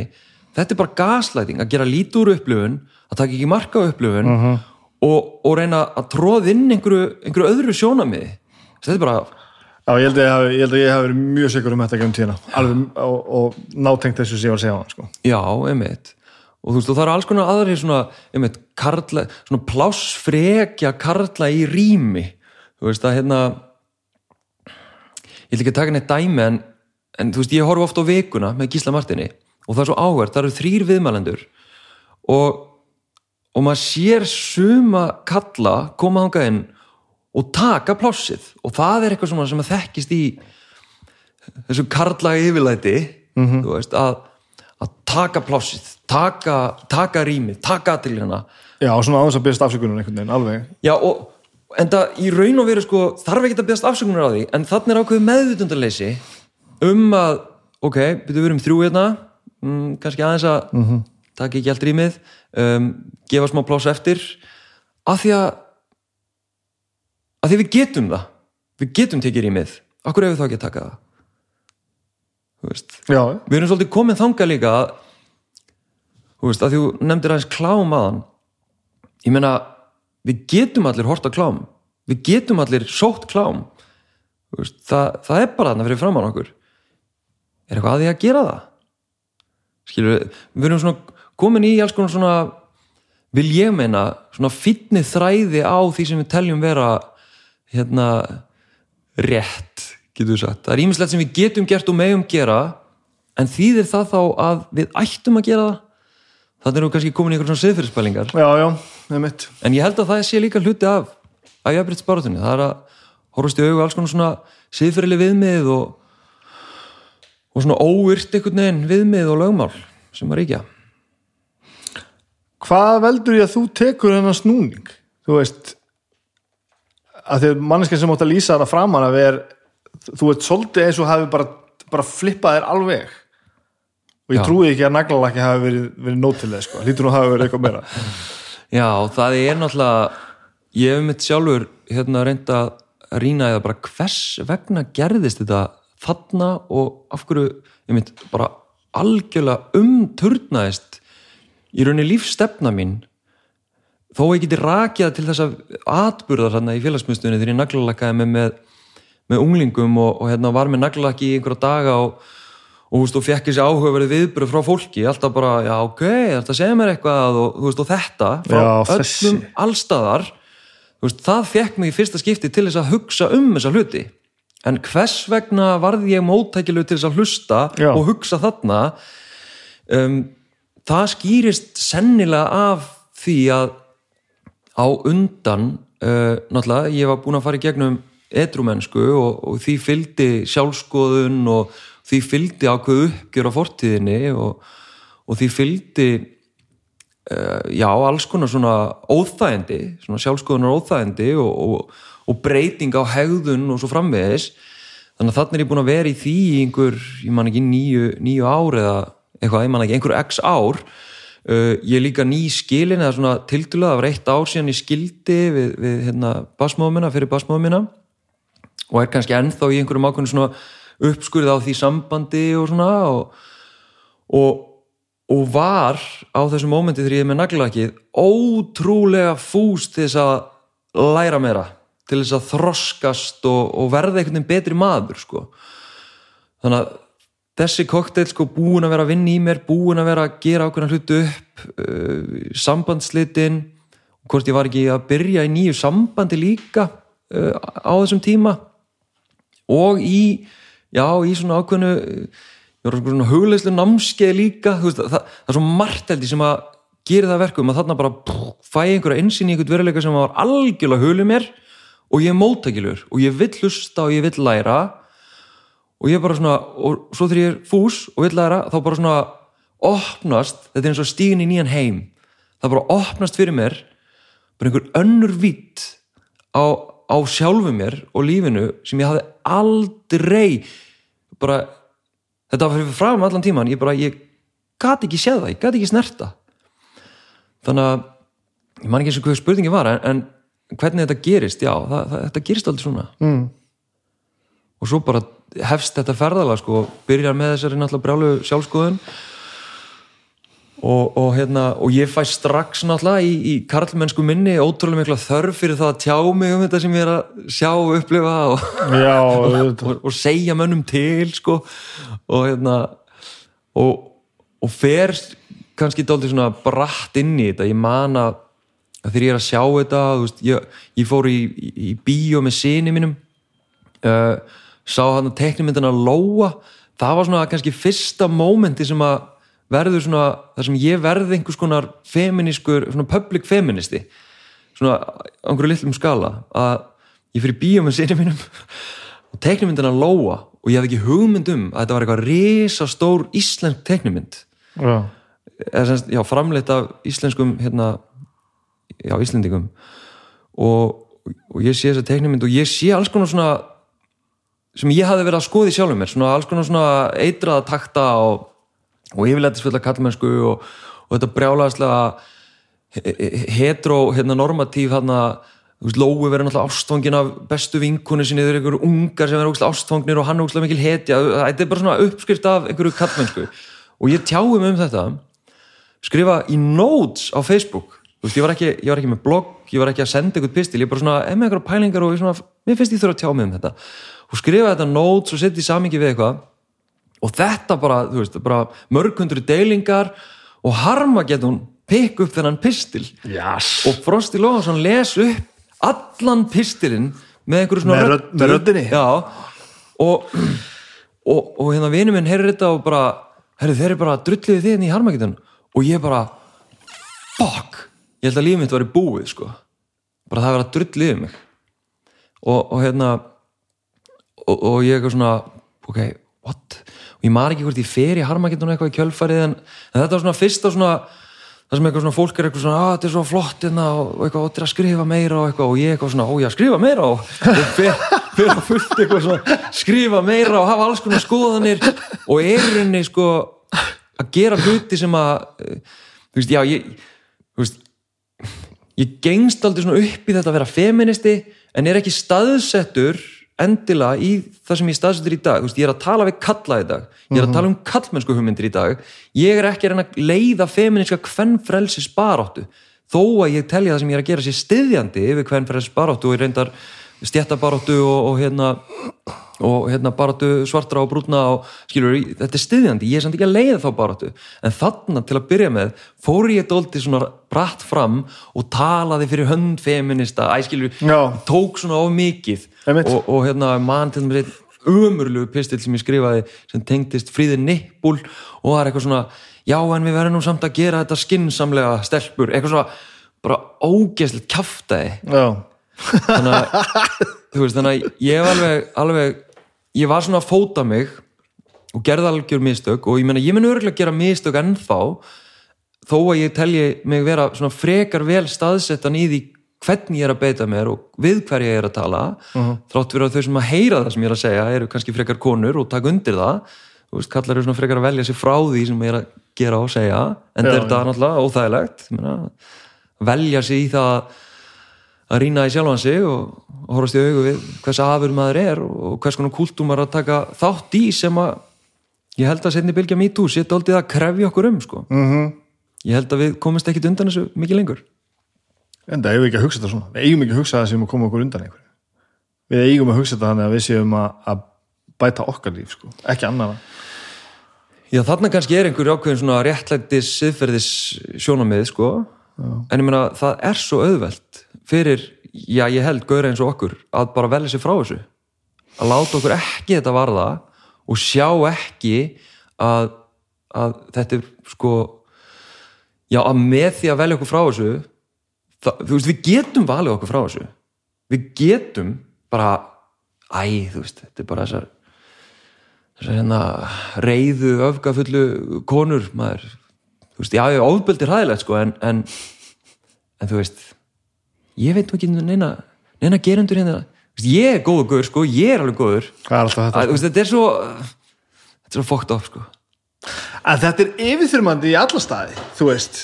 Og þess að maður segja að það er svo, auðvitað að velja sér frá þessu sko. Þetta er líka bara hvernig á ég að segja þetta sko? Partur af manni vonandi alltaf minn og minni partur býður bara eftir þetta líði hjá sko. já, já hvað líði hjá? Umtalið og, og, og hæpið sko. já, já, að því að við erum að horfast í augu við þú veist það er miklu auðveldar að segja bara ekki neitt einmitt og, og það eiginlega skiptir engu máli hvernig þú kemur að málinu sko. hvernig fortíðin er eða eitthvað það er miklu auðveldra að bara er þetta ekki bara þú veist, ef við ekki bara láta þetta slæta? Og ég tala nú ekki um þegar maður er að hugsa sko bara hvað er það núti sko? Þá verður þetta bara þá verður þetta bara mjög yfirþyrmandi sko. Og þá er languðuðlast að sitja heima og þegja og býða já. Viltu vera aðeins nákvæmlega, hvað er það núti hvað áttu við? Eh, það er fullt af hlutum en úti sem að ég er 99% vissum að sé allt í lagi en ég er ekki 100% viss. Sem snertir sjálfa þið mennur já, já, ég held nefnilega ég með það í hausnum að ég held að þetta sé ég held að þetta sé eitt stærsti þátturinn í því að kalla býða og kalla svona hvað er að núti um mig? Já, af því að þeir eru svo margir sekir. Mögulega sekir. Já. er ekki alveg með það á hreinu. Það er fjöndarsmáli sko. en svona grunar að þeir gætu verið sekir um eitthvað. Og, og ég meina ég er sekur þú veist, það bara, þú veist, ég hef líst í og, og hérna og, og, tekið sem dæmi og, og hérna og það hefur svona einmitt svona, ah, ætti ég nokkuð að vera að tjá mig ætti ég nokkuð, þú veist, að því að ég hef hort á klám, ætti ég nokkuð að vera að segja, þú veist, mína skoðun á klámi og, og, hvað ég sé og hvað ég hef fundið að klám getur gert og hvað rannsóknir segja um klám og, og bara yfir höfuð skilur bara hvað er fokkin klám miðnaðurinn, æ skilur ætti ég að vera að fara í þetta því að ég er segur um það þú veist, ég var hluti af þessu, þú veist, ég bara horfið gaggrinnislaust á klám. Þú veist, þá að ég svona, ok, ég veist að þetta bara samræðast ekki í mínum gildum. Ég get ekki verið að fara inn á hérna Pornhub og, og YouPorn og þessar síður, ég, ég, bara, ég get ekki verið þarna, ég bara get ekki gert þetta. Þannig að, þannig að ég vali mig frá því. En á sama tíma þá svona já, en, þú veist, já, ég er náttúrulega alveg hort á klám, æ, skilur ég er svo segur, já, en sama með samskipti við annað fólk. Við erum svo segir margir. Og þess vegna í sektinni held ég að gerenda meðverknin spretti fram. Og, og, hérna, og þetta er bara tilgáta, þetta er bara hugmynd í hausnum á mér. Hvers vegna og nú ætlum ég ekkert að fara inn í hérna, þetta mál sem að í raunis hérna, kom af stað setni bylgjum í tú sem að varðar ákveðna einstaklinga. Um, heldur bara það sem að gerðist í kjölfarið að ég held að það tengist líka þessari svona þessum óta og mögulegri sekt manna og eitthvað. Þessi veist, ákveðin maður segir bara, herru þetta er líið, þetta er kjaftasögur ég er saklaus. Og samstundis samstundis komið fram þjóðþektir menn þjóðþekkt fólk, venjulegt fólk bara fólk sem bara er bara að vinna einhver venjuleg störf hérna og bara ég vil vissi ekki eins og af því að það var einhver slúðusugur bara, bara grét grét yfir ránglætinu þú veist. Og hérna var bara strax tilbúið til þess að hérna, standa með ránglætinu, standa gegn ránglætinu sem, að, hana, sem maður var beittur. Og þú veist, og við tölum um gerindameðurkni vegna þess að síðan er hann hérna sagaður um að hafa gert hluti þú veist, að stíga fram hann að það er konur. Og, og í kjölfarið að því að meðbyrjum var með þeim sem að er ásakaður stíga fram konur og lýsa þessu sem að þær hafa reynd að, að hérna hvernig er hvernig þeim hefur ekki verið trúað? Hvernig þær hafa ekki þórað að tjá sig að því að þær vissu það eða þóttust þetta það eða hefur reynd á einskinni að ef þær myndi tjá sig þá myndi samfélagi standa með þessum góða strák þessum þekkta fræga manni skilur við og ég er ekki að tala um specific dæmi núna, ég er bara að Nei. tala um almennt. Að hérna hvers vegna voru svona margir menn tilbúinir til þess að hlaupa fram og bara nákvæmlega við erum að, við erum að þakka niður þessar kjaftasögur þessar slúðursögur. Pæling gæti það verið vegna þess að þeim grunar eða vita að það eru mögulega einhverja sögur að núti um þá sjálfa? Mhm. ég er ekki að fullur um það en ég bara velti þið upp. Hvers vegna er svona erfitt fyrir menn að ég veit það ekki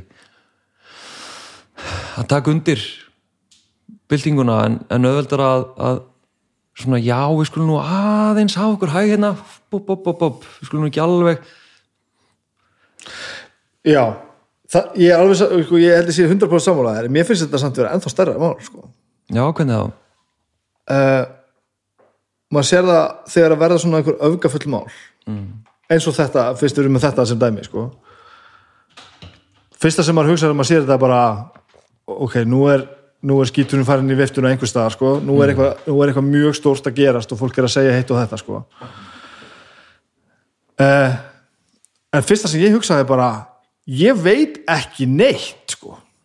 þú veist alveg sama hvort að ég hef tekið afstöðu til þess að standa alltaf með þólendum eða fara í skotgræðunar því svo hættur um að eitthvað séu þann úti eða eitthvað, ég veit það ekki hvað er það sem fær fólk til þess að, að vaða fram og halda því fram að þetta sé einhvern veginn þegar þú hefur engar forsendur til þess að metta það sko. Ég stend Já. með þér eða bara, þetta er drullis okkur og bara, ok þetta kom á neti fyrir kortir síðan, þú veist ekkert. Og Já. það eru sko það eru fleiri internetmetrandir að fólki að tjá sig sko. Já, en sko þetta er svo áhugavert ef við setjum þetta í samingi sko. Þetta er svo áhugavert að sko ég ætla að reyna að ná utan um þetta. Að, einmitt, það var fullt af fólki sem steg fram og bara ég stend með þér, elsku kallinn allt þetta. Um, svo þegar dæmir snýstaldi við og það koma fram hann konur sem segja, herðu, eða bara kæran þú veist, og lýsa hérna bara samskiptum sem að hérna eru ofbeldi að þá samt heyrist miklu frekar þessar efasemdaratir, já við vitum samt ekki neitt sko, við skulum ekki fara að taka manna lífi, skilur þá koma Já, það, það er náttúrulega skiptin tími sko. Já og, og það er dæmi um það sem við köllum uh, gerenda meðverkni Já, samfélagsins, að við vorum miklu miklu frekar til tilbúin til þess að standa með mögulegum geranda, hugsanlegum geranda heldur en að standa með hugsanlegum þólendum.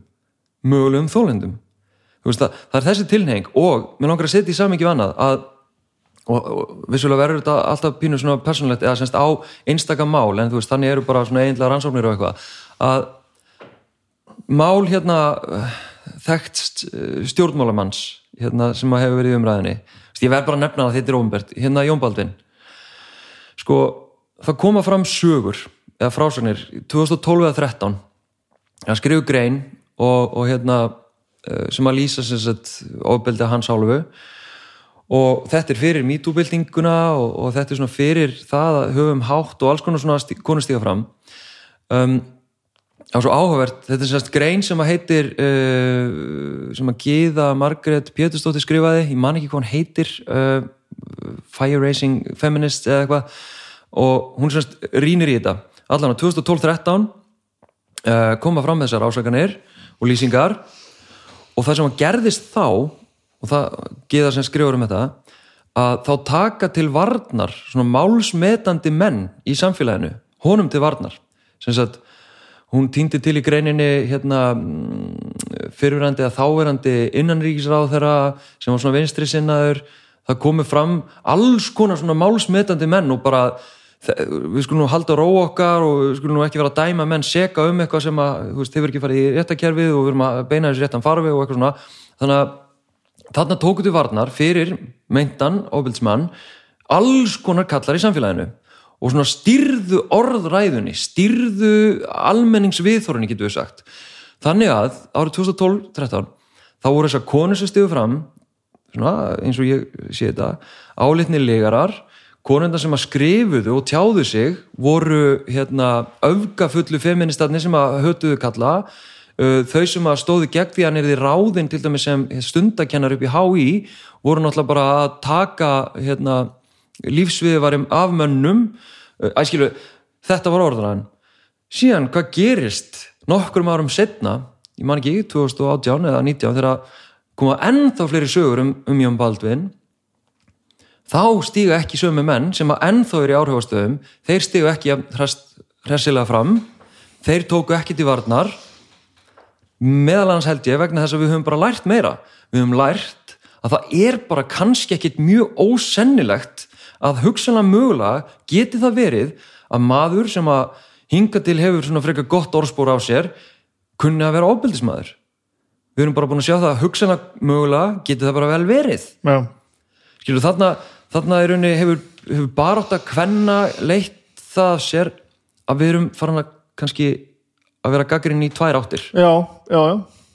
og, hérna, og ég held að þetta case sem er núna í gangi þennan einstakling, ég held að þetta verði ég held að við fyrum ennþá lengra í að skilja mynstrin, skilja uh, uh, öll þessi hvað ég segja, alla þessa ströyma sem að eru að hafa áhrif á okkur og, hérna, og ég reyndi svona að tala inn í þetta á hérna, mínu miðli þú veist bara, hvað veldur því að ég hef ákveðna skoðun? Þú veist, ef við bara rínum í það, hvað veldur því að ég er frekar tilbúin til þess að trúa myndum geranda heldur og myndum þólendum Og, og líka bara kemur raukhugsun ekkert inn í þetta? Þú veist, hugsaður ekkert málið?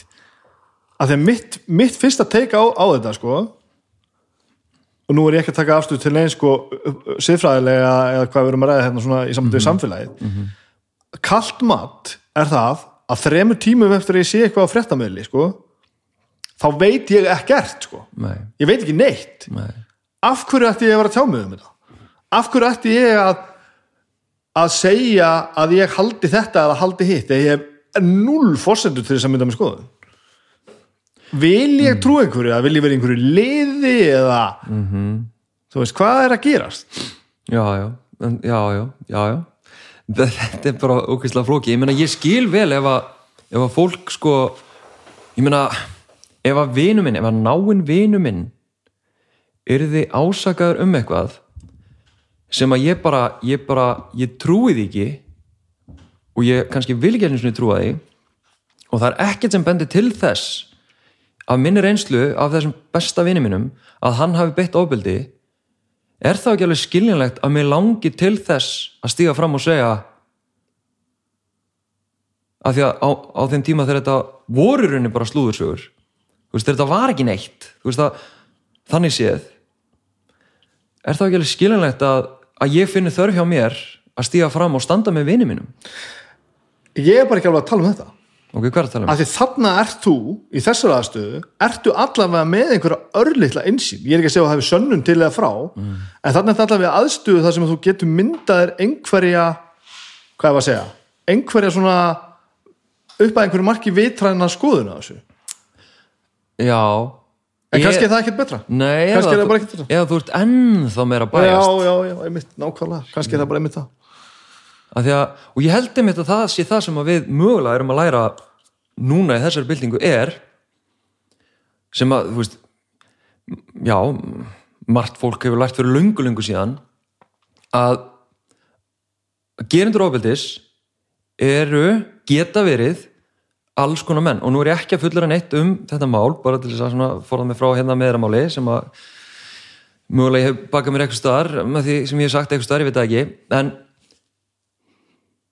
en hérna já, að gerendur ofbeldis uh, eru alls konar og gera líka hluti sem eru ógeðslega flottir og næs og góðir. Já, já, nákvæmlega. Og hérna, við tölum um skrimslavæðingu gerenda sko að þráttur við vitum þetta, höfum alveg vita þetta að, að, að gerendur ofbeldis eru alls konar menn, allstaðar í okkar samfélagi og ekki bara hettuglættir ógeðslegir, illa líktandi menn í einhverjum skúmaskotum sem að hoppa á hérna, bráðina sína, skilur ég held að flest svona ofbeldisbróti eru framinn sko af einhverjum sem að sem þólandi þekkti.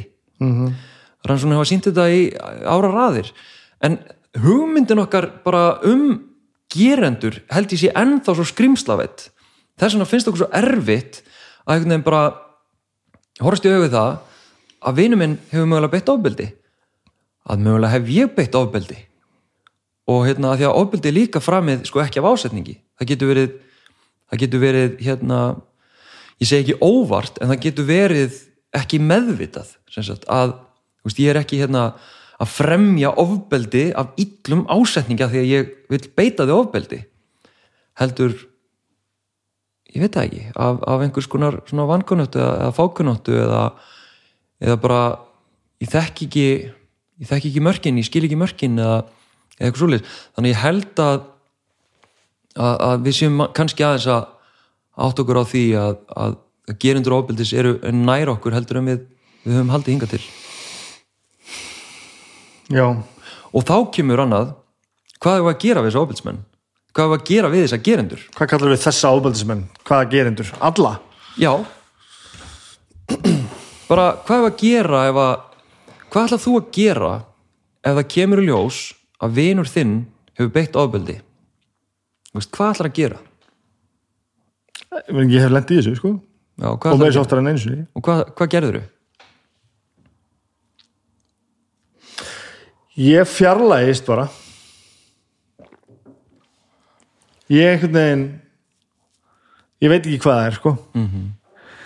Sko, fjarlæga skrimslið ég ætlum ekki að vera nála til þessu skrimsli nei, þetta er ekki það. Jú, kannski er þetta bara einmitt það. Ég er bara orðað þetta eins og rauðsi Ég er bara svona Mér finnst að fólk sem stendur nær eigi að taka hitan og ákveða hvað í raun og veru gerist sko. Ég ætla ekki að taka fram fyrir hendurnar á konunans er, er sko, held ég það sem ég hugsa fyrst og fremst sko. Einmitt. og nú er ég ekki að segja nú er ég ekki, þú veist, þetta er ekki actual actual dæmi sem ég hugsa nákvæmlega hér sko. heldur bara að ef að einhver sem, sem, sem ég þekki hefur gert eitthvað þá finnst mér það ekki vera mitt að stígun og sprengja sko. mm. fattar hvað ég er að fara? já, ég fatt að hvað það fara sko að því að þú veist, þá er ég svolítið að beita annað fólk ábyrðið sem er í kringum þennan hóp sko. já, þú tekur fram fyrir hendurnar á mögulegum þólanda mm, líka bara, bara aðstandendum sko.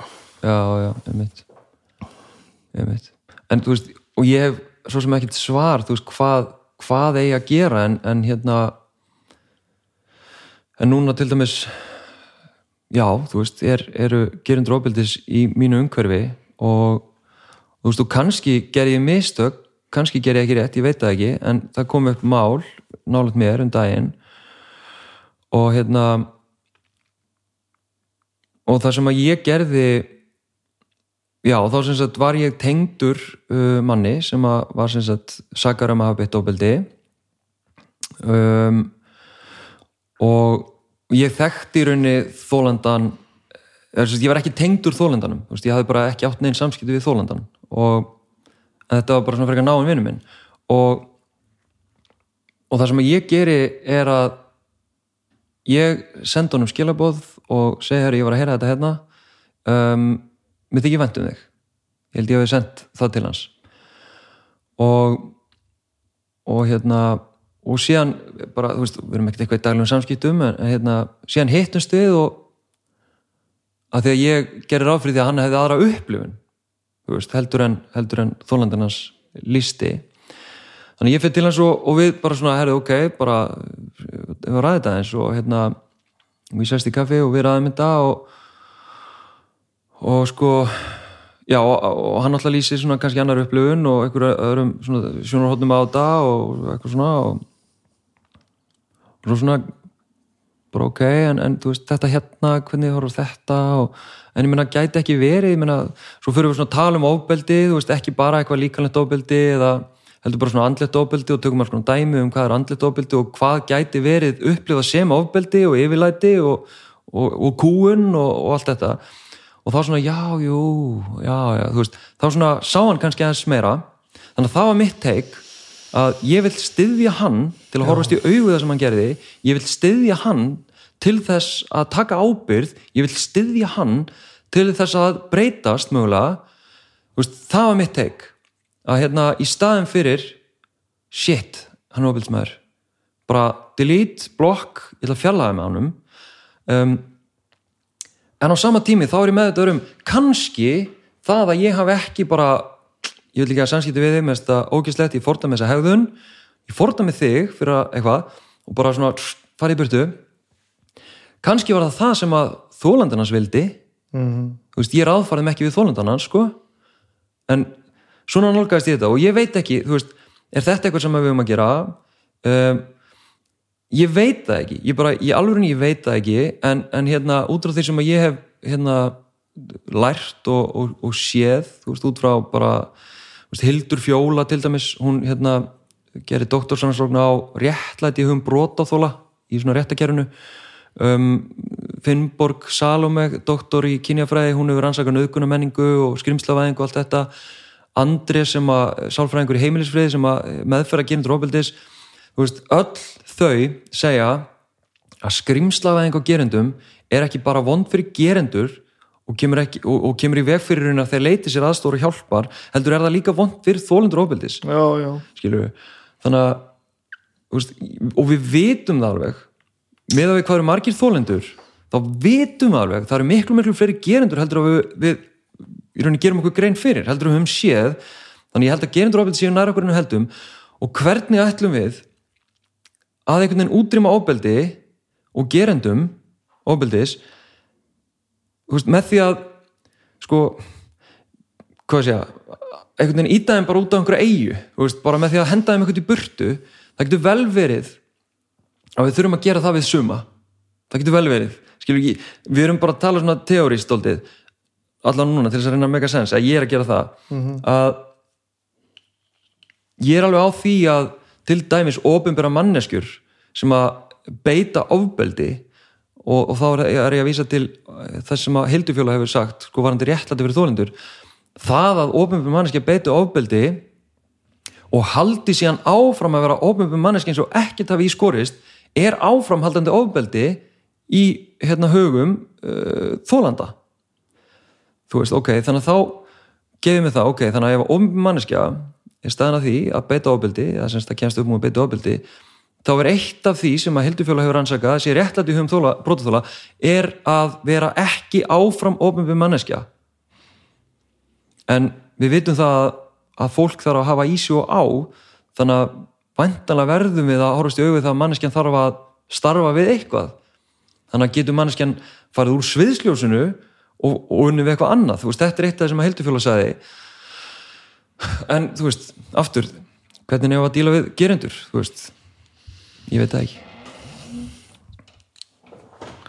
Sko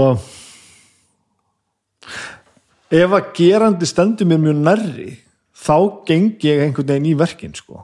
Þá ger ég svolítið það sem þú varst að tala um aðan ok, það sem ég var að tala um aðan er meira sko, svona einhverju kunninga sem að þú veist já, já, þú veist. Já, og bara það sem, það sem ég líður bara hvað ætla ég að gera? Þú veist, ég langar ekki að eiga sömu samskipti við þau átti, það er ekki mitt einhvern veginn að stíga inn, finnst mér og, og það er ekki mitt að vera að ræða þetta við þig. en eins og að, á meðan þú varst að tala núna og reyfiðast upp fyrir mig, sko, það er mál sem er mér nærri, eða sem að að saka vinn minn um, um, um, um óbeldi, sko. Einmitt, en hann er vinnu minn, sko. Og mitt teik á það er bara, herru, herru þú þarft eitthvað, eitthvað að ræða þetta mál, sko. Þú, veist, þú þarft að gangi í þetta mál og þú, nú þarft þú að myndaði skoðun á hvað er að gerast, sko. Og blessunulega þá bara gerði hann það alla leið, sko. Og, og svo erum við ekki í það miklu daglegu samskiptum í dag að, að, að það hefur bent komið inn á borti mín, ég er svolítið upptíkið við alveg bara börnum mín sko. en en sko þetta sem að svona frettir af það sem ég finnst allt svo skytti þetta ofbeldis fólk út í samfélaginu sem að það sem ekkert breytist sko. Mhm. þú einhvern veginn heldur bara sömu sömu vinnu og sömu vinatengslum og sömu allt sko. og það einhvern veginn bara er ekkert mál einmitt og það er fólki sem ég svona bara langar ekki að sitja þarna og tala við þig, sko. Nei, og þar komum við inn í sko í rauninni að segja samfélagsgerðina og kannski kalla samstöðuna já, að já, að ég veit ekki. Veist, bara, ég er oft hugsi yfir því að það eru eh, þekktir menn sem að hafa verið sakar um að, að beita ábeldi þess að sett, já, það er það eru konur sem að uh, hafa líst í að hafa verið beittar ábeldi að hálfu þekktra manna.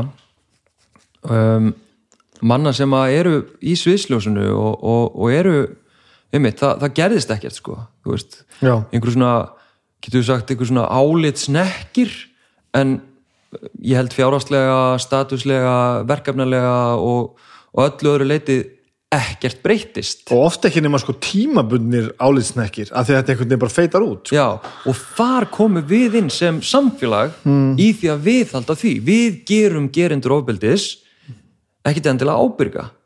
Þú veist, af því að það er óþægilegt við veitum ekki hvernig við erum að gera það og bara býðum þetta bara á okkur. Það er rosa stert í manni sko. ef ekki bara láta þetta slæta æ, þú veist, þetta var nú aldrei sannað og, og hann er nú ekki dæmdur og hann á börn. Í einmitt, sko, um ekki maðurinn eitthvað, þú veist og aftur, ég veit ekkit hver lausnin er en ég tel mig allan að vita það að, að við, við höfum ekki beitt nefni lausn hinga til. Nei, nei, það er alveg satt sko. og hérna þetta á sem komið mest á tíu mínútum eftir að eitthvað kemur fram á internetið að þá eru allir sem að vita hvernig þetta var. Hvernig má það vera? Hva, hvaða með hvað internetið þú sem ég er ekki? Veist, hva, hva, hva, hvernig veist þú þetta? Þetta er ótrúlegt að fullera á vittir þetta sko. Já, og svo aftur sko það sem er mikilvægt já, ég veit ekki alveg sko ég manna, ég tók það afstöðu eftir að hafa lært ímislegt að trúa þeim sem koma fram og lýsa uh, ofbeldi sem þau hafa orðið fyrir. Já, að trúa þólendum ofbeldis. Meðal annars vegna þess að ég hef lært það að falskar ásakanir eru, eru hérna bara ótrúlega sjaldgjafar.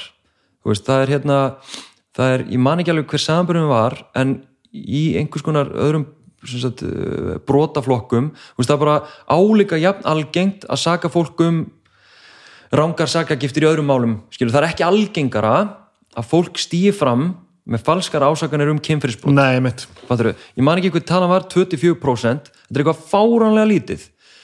Á sama tíma og, og, og falskar ásakanir hafa brjálaðislega mikið vægi í umræðinu um til dæmis kynferðisbrot. Það sem að við bara óttumst ekkert meira en höf, er þetta ekki við, við vitum nú ekki neitt og, og hérna, þetta er nú kannski falskar ásakanir og menna við vitum, ok, þetta er ótrúlega sjálfgeft rannsóknir hafa sínt okkur það. Uh, þannig að á þessum fórstum meðal annars þá hef ég valið það að trúa þólendum ofbeldis. Uh, líka vegna þess að ég veit hversu ótrúlega, ég veit ekki einhend en ég heyrt að líst, hversu ótrúlega erfitt er að opna sig um. Já, já, veist, og það leikur sér enginn að því. Eða afskaplega fáir eða fáar leika sér að því að ganga í gegnum það helvíti sem það er að, að opna á kynfyrirsbrot eða, eða ofbeldi.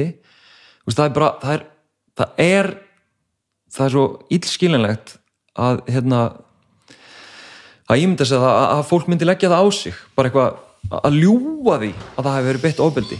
Ef það varði ekki fyrir ofbeldi að upplifi ekki að það hefði verið beitt ofbeldi. Um, þú veist þannig að hérna, já, þannig að ég valið það að trúa þorundum ofbeldis en síðan er svo áhugavert að óbúðslega margir virðast einhvern veginn þekkja allavega eitt dæmi það sem að þetta á að vera raunin.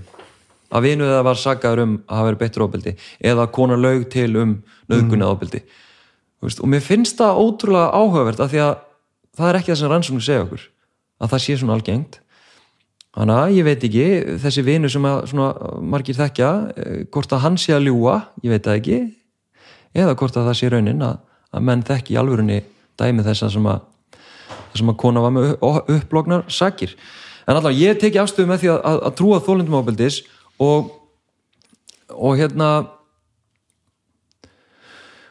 já, ég hef heyrt það að, að sko að ef að konum er ekki trúað þá muni það ekki koma fram sko, raunverulegum þólundum ábeldis ef að automatist konum er ekki trúað sem koma fram sem að var held í raunin fyrir svona 20 árum síðan þegar við lásum bara hérna morgunblæð og DFF og, og það var í rauninni upplýsingamiðlun okkar eða útarsfréttir svo kom einhver kona fram og, og lísti hérna ofbeldi henni var nöðgað nýri bæ eða, eða eitthvað svona.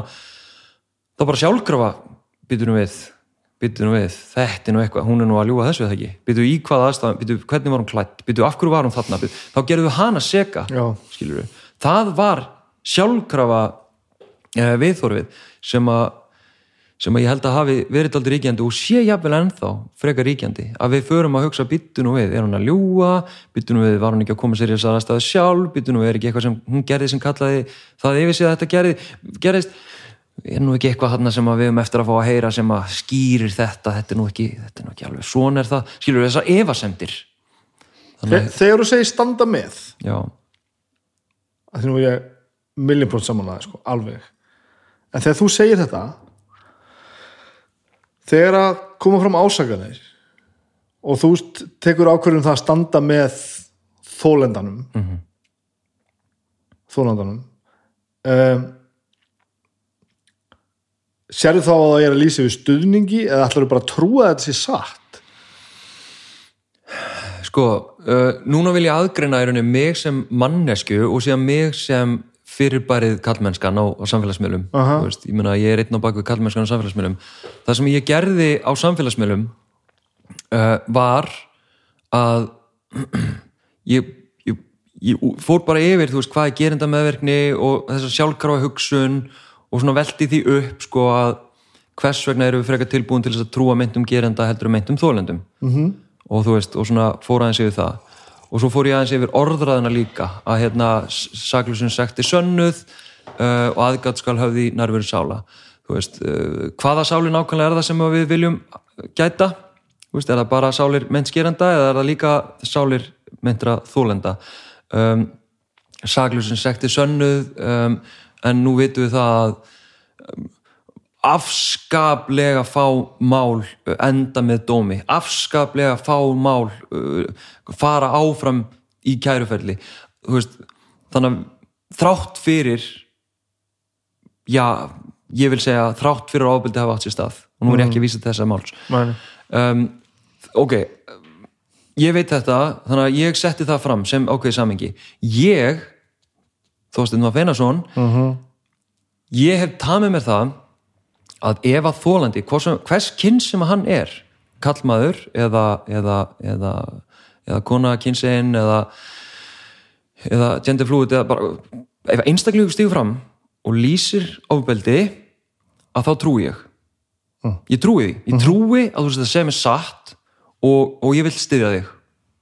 Ég vil styðja þig með því að ég þú veist, ég síni það, já ég trúi þér og hérna og ég stend með þér í réttlætinu. Um, veist, þannig nálgast ég þetta. Sko, ég veit ekki hvort ég er að flækja þetta en hérna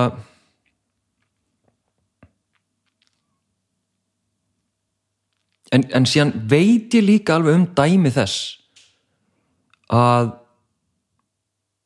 að ég hef trúað uh, frásögn. Um, sem að hérna, já það sem að var líst ábeldi og, og svona alls konar. Þess að ég geti farið í, í dæmið sko uh, þetta var svona semi-public. Um, og ég bara shit sko, ok uh, ég veit hver sem gerandi er og eitthvað svona og, og og svo hitti ég sem sagt, þá myndan geranda um, og það gerir stundum sko að stráka leita til mín og eru að hérna, veist, vilja annarkort bara sjá, fá eitthvað annað sjónarhóttni eða bara herði, ok, þú veist ég bara, mér langar að gangast við einhverju eða mér langar að sjá þetta með öðru sjónarhóttni eða eitthvað, það bara gerist mjög oft sko. Og ég hitt alveg oft einhverja sem að vilja hitta mig og bara spjalla. Sem er basically það sem við erum að gera núna. Sem, er, já, nákvæmlega. Og hérna, og ég hitt hann og ég er svona, ok, hann vil greinlega fá eitthvað að teika á þetta og ég rekna með að hann vilji taka ábyrða því ég gaf mér það. Svo hitt ég hann og hann svona lýsi fyrir mér, sko, já lýsi fyrir mér samskiptunum lýsi fyrir mér uh, sambandinu, lýsi fyrir mér aðstæðanum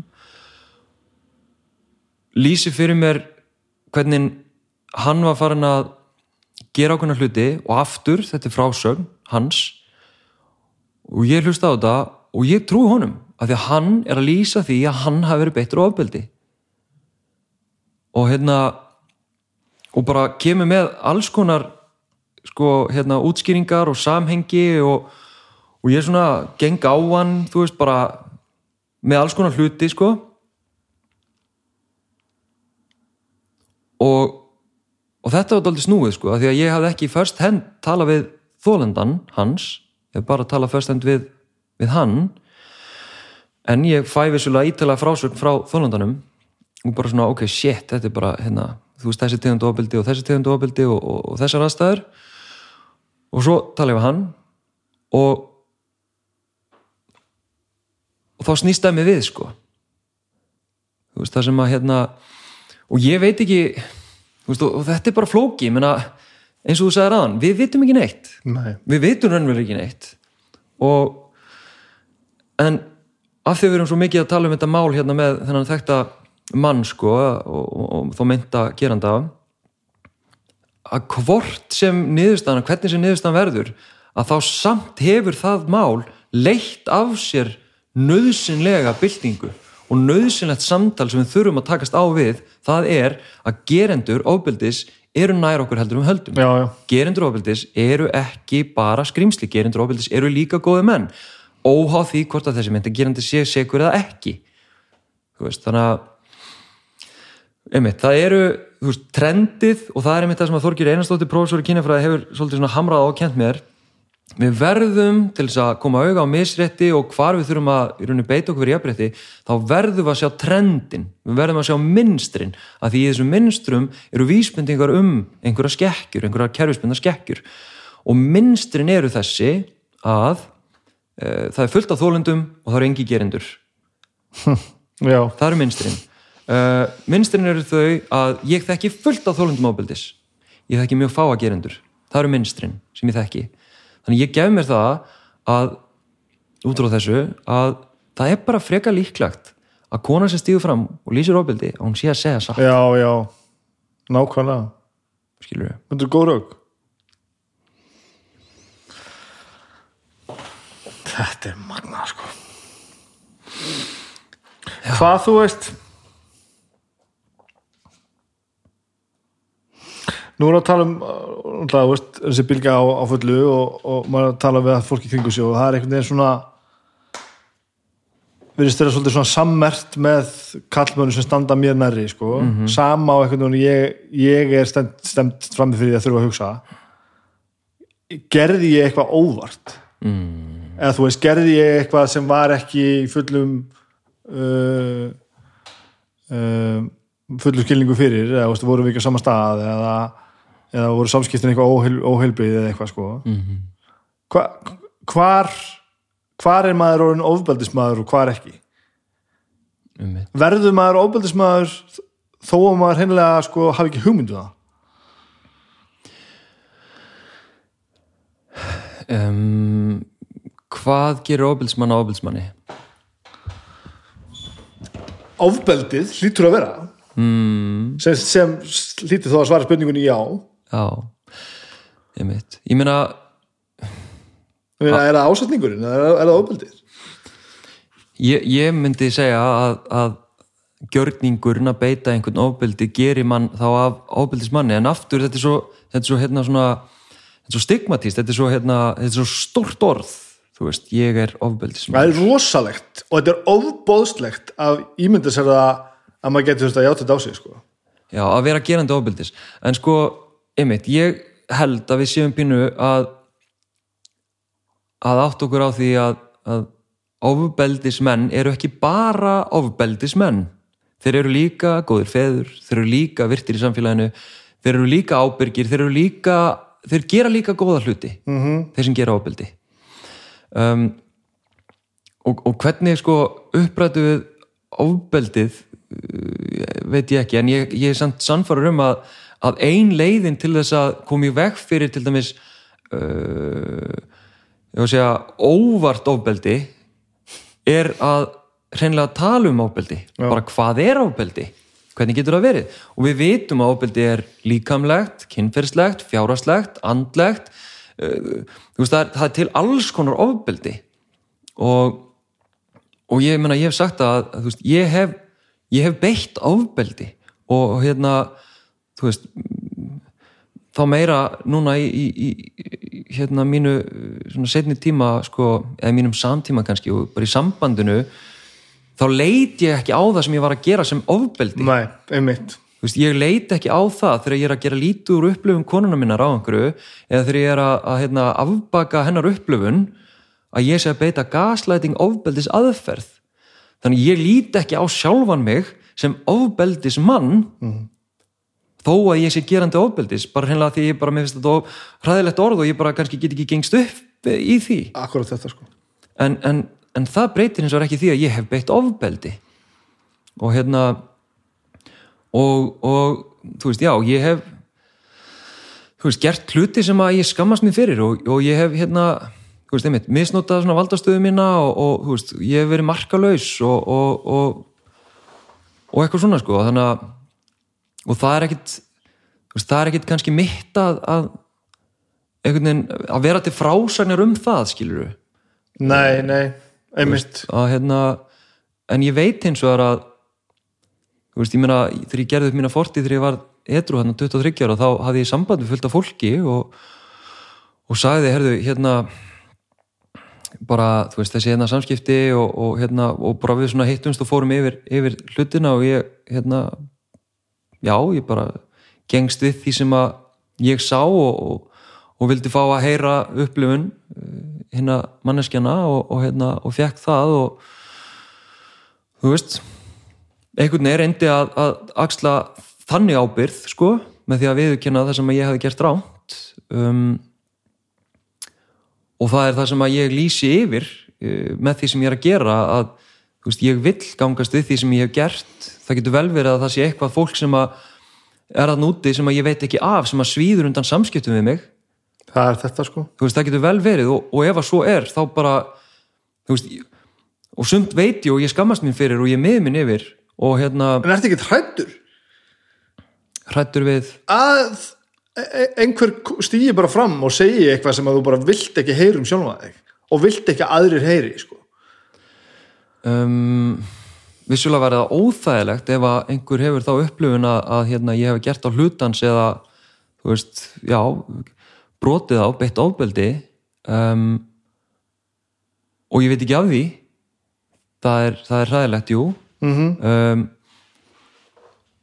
og einmitt, ég tala um markaleysi þú veist, bara, þú veist, ég hef líst því að kynlífið mitt á mentaskólaórunum var bara engung á mínum fórsöndum þannig að, þú veist, ég hef ekki farið í að krifja það nákvæmlega þú veist, eitthvað svona eitthvað svona jam, hérna kynlíf, skilur það, þú veist, ég bara ég bara reikna með því að það hafi ekki verið mjög heilbrygt, sko -hmm. uh, þannig að jú, ef, að, ef að það kemur upp að veist, ég veit ekki að ég hafi gert eitthvað þar þá bara ég get ekki gert neitt annað en að gangast við því og, og þó ég mun ekki eftir að ég bara, þú veist, ég vil gangast við því. Einmitt. Skilur við og ef að það er upplöfun sem að situr eftir hjá einhverjum, ég bara svo sannlega myndi ég vilja gangast við því. Ég veit ekki hvernig, ég get náttúrulega ekki breytt í og, og þú veist, ég veit ekki ég, ég talaði um áðan að, að manneski sem er ofnbæra og hafa beitt ofbeldi það er áframhaldandi ofbeldi ef hann er í sviðsljósinu. -hmm. þú veist ég veit ekki af því að einhverjum svíði það að ég sé í sviðsljósinu og ég sé núna outspoken feministi og, og tala gegn ofbeldi. Ef að einhver hefur upplegað það að ég hef beitt hann ofbeldi þú veist, væri það þá lausnin að ég myndi hætta að, að gera það sem ég er að gera? Þú veist, ég veit það ekki. Ég, veist, það, það er kannski eitthvað sem ég þurfti þá að, að takast á við með, hérna, með sjálfu mér og, og mögulega þá ef einhver upplegað sig að, hérna, vera þólandi minn, sko veist, það er ég held að, sko, í þessari röð það sem ég óttast mest í þessu öllu saman eitt er það að ég hef bara sært fólk sko, bara látið fólki einmitt Númer tvö er ég loðandur hættu við að, að einhver myndi segja frá því sko. mm. það er kannski ekki stórmannlegt að segja það en það er þannig sko. já, já, af því að þetta, e- ef einhver myndi koma fram eða ekki bara koma fram, myndi bara koma til mín þessuna já, ég er ekki að segja það að alveg sáliti myndi jú, skipta með máli sko. Ég er því svo gjörsamlega eðilaður sko. já, já, bæði að hafa gert þetta og hvað öðru, öðru, öðru fólki finnst sko. ég heitir örgulega ekkert vinsalt að segja þetta sko. En ég vissu það að, að það er ekki fleiri sem taka þátt í þessu á okkar kalibari er út af ótta við nákvæmna þetta hérna. Mm -hmm. að bara að þú færð einhvern sem segir þetta eru, hann gerði þetta hér og þú manst það jáfnvel ekki þetta eru yfirþyrmandi aðstæður sko mm og meiri sér núna að ég sitt núna að spjalla við og finnur úrlega fyrir því, mér líður svolítið eins og ég sé að tegja fram hálsinn í gapastokkin sko. mm. en ég meina ekki að ég hafi neinar neina grunnsendur um að koma eitthvað nei, nei. en ég gæti alveg slefti að vera að segja þetta við þig og það er einhver partur af mér sem segir bara látt þetta bara slæta þá ert í minni hættu en mér finnst ég eigi að gera það sko. Nei, og, og ég held um þetta og það er það sem ég hef reynd að gera síðustu ár, það er að vera tilbúin til að horfast í augu við sjálfan mig, mín ein viðþór mína ein hegðun og reyna að breyta því aktíft. Hvað mér finnst um hluti uh, hvað mér finnst eðlilegt hvað mér finnst ekki eðlilegt og allt þetta.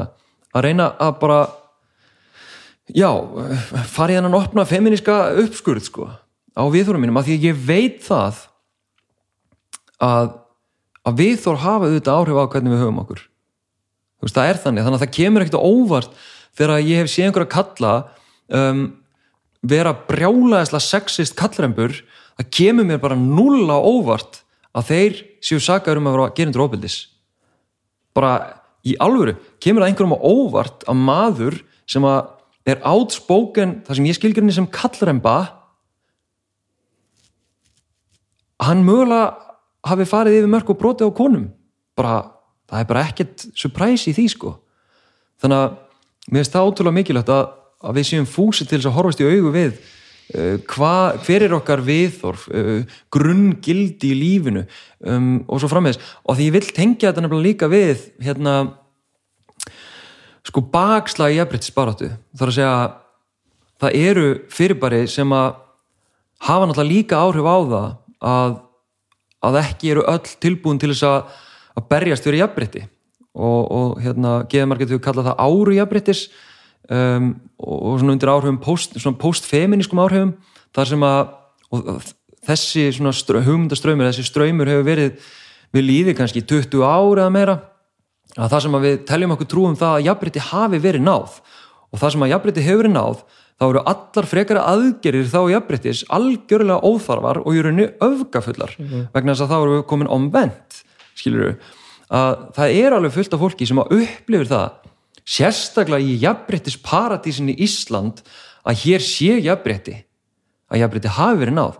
Og þess vegna þurfum við nú ekki að vera að tala um þetta ofbeldi, þess vegna þurfum við nú ekki að vera að rína í kallmennsku, ég meina hér eru bara kallar þeir jaðarsettu, þú veist þetta fæ ég sko, ég fæ þetta til mín þegar ég er að gaggrina þessa ráðandi kallmennsku hugmynd og hugmyndir og viðþór að ég sé raunin bara að gera köllum sem að standa höllum fæti enn frekar illanleik sko. Að því að, að, að jafnbrytti hefur verið náð. Veist, þessi ströymar spila náttúrulega inn í ansbynnuna og það eru óhugnarlega margir kallar sem að upplifa sig jæðarsetta, sem að upplifa sig valdulöysa, sem að upplifa sig ekkert í forhundastöðu þrátt fyrir að vera jafnvel velmentaðir, að vera kvítir, að vera gagginheðir, skilur að, að eiga vinahóp, að, að hafa tengsl við jafnvel valdhafa, skilur sem upplifa sig samt jæðarsetta í íslensku samfélagi þar sem að feministar fara með högl og taldir, höld og taglir. Hvernig segjum við þetta? Tökluhaldir. Tökluhaldir. þannig að hérna og þetta náttúrulega flækir þetta og, og, og þess vegna er stundum veist, ég fæ stundum svona eitthvað svona ert þú þá að segja, kemur einhver skoðun sko, og ég er svona nei, ég, ég var ekki að segja þetta. Um, og þú veit, sko ég sé hvar þú ert, að ég hef verið þarna sjálfur. Já, já. og en til þess að útskýra þetta fyrir þér þá þurfum við fyrst að fara í gegnum hérna þetta hérna lag, við erum að útskýra þetta, ég er að útskýra þetta og svo þarf ég að útskýra þetta. Og síðan get ég sagt þér hvers vegna þetta er ekki rétt sem ég mútt að segja. Fattur þau? Uh, já, það, það er oft sem að flækist að það er svona ákveðin segja fákunnáta á forréttindum og á kynjuðum valdatengslum, á stjætt og stöðu sem að uh, blandast inn í því síðan uh, þessi upplöfun að jafnbrytti hafi verið náð sem að hindrar frekar aðgerir í þá jafnbryttis þetta er mjög flókið sko. Hvernig skilgrinni þú þennan feminisma sem þú ert að segja, þú veist, ég er feministi já, Ertu með konkrétt svona skilgrinningu á því? já, já, eða þú veist bara, ég er náttúrulega verið svo hot spurður að þessu að ég, hérna, fyrst var ég eitthvað svona að hengja mig á eitthvað svona fræðilega eitthvað svona, hvað er það að vera feministi og eitthvað, en svona leikmanna útgáfan mín af því að vera feministi og hverju ég segi ég sé feministi er einfallega út af því að um, ég vill jafnbrytti um, ég sé að að kyn og húðlitur og stjætt og staða skiptir máli. Mm ég vil ekki að þetta skipti svona miklu máli og ég vil gera eitthvað í því þannig að þetta skipti ekki svona miklu máli þannig að kyn til dæmis skipti ekki svona miklu máli eins og það gerir. Þess vegna er ég feministi einfallega Ég skrifaði svona pistil sem að hétt ég er ekki feministi ok. Ok, áhugaverst Þú ert að googla þetta maður. Já, og ég skrifaði hann í fullri alvöru sko.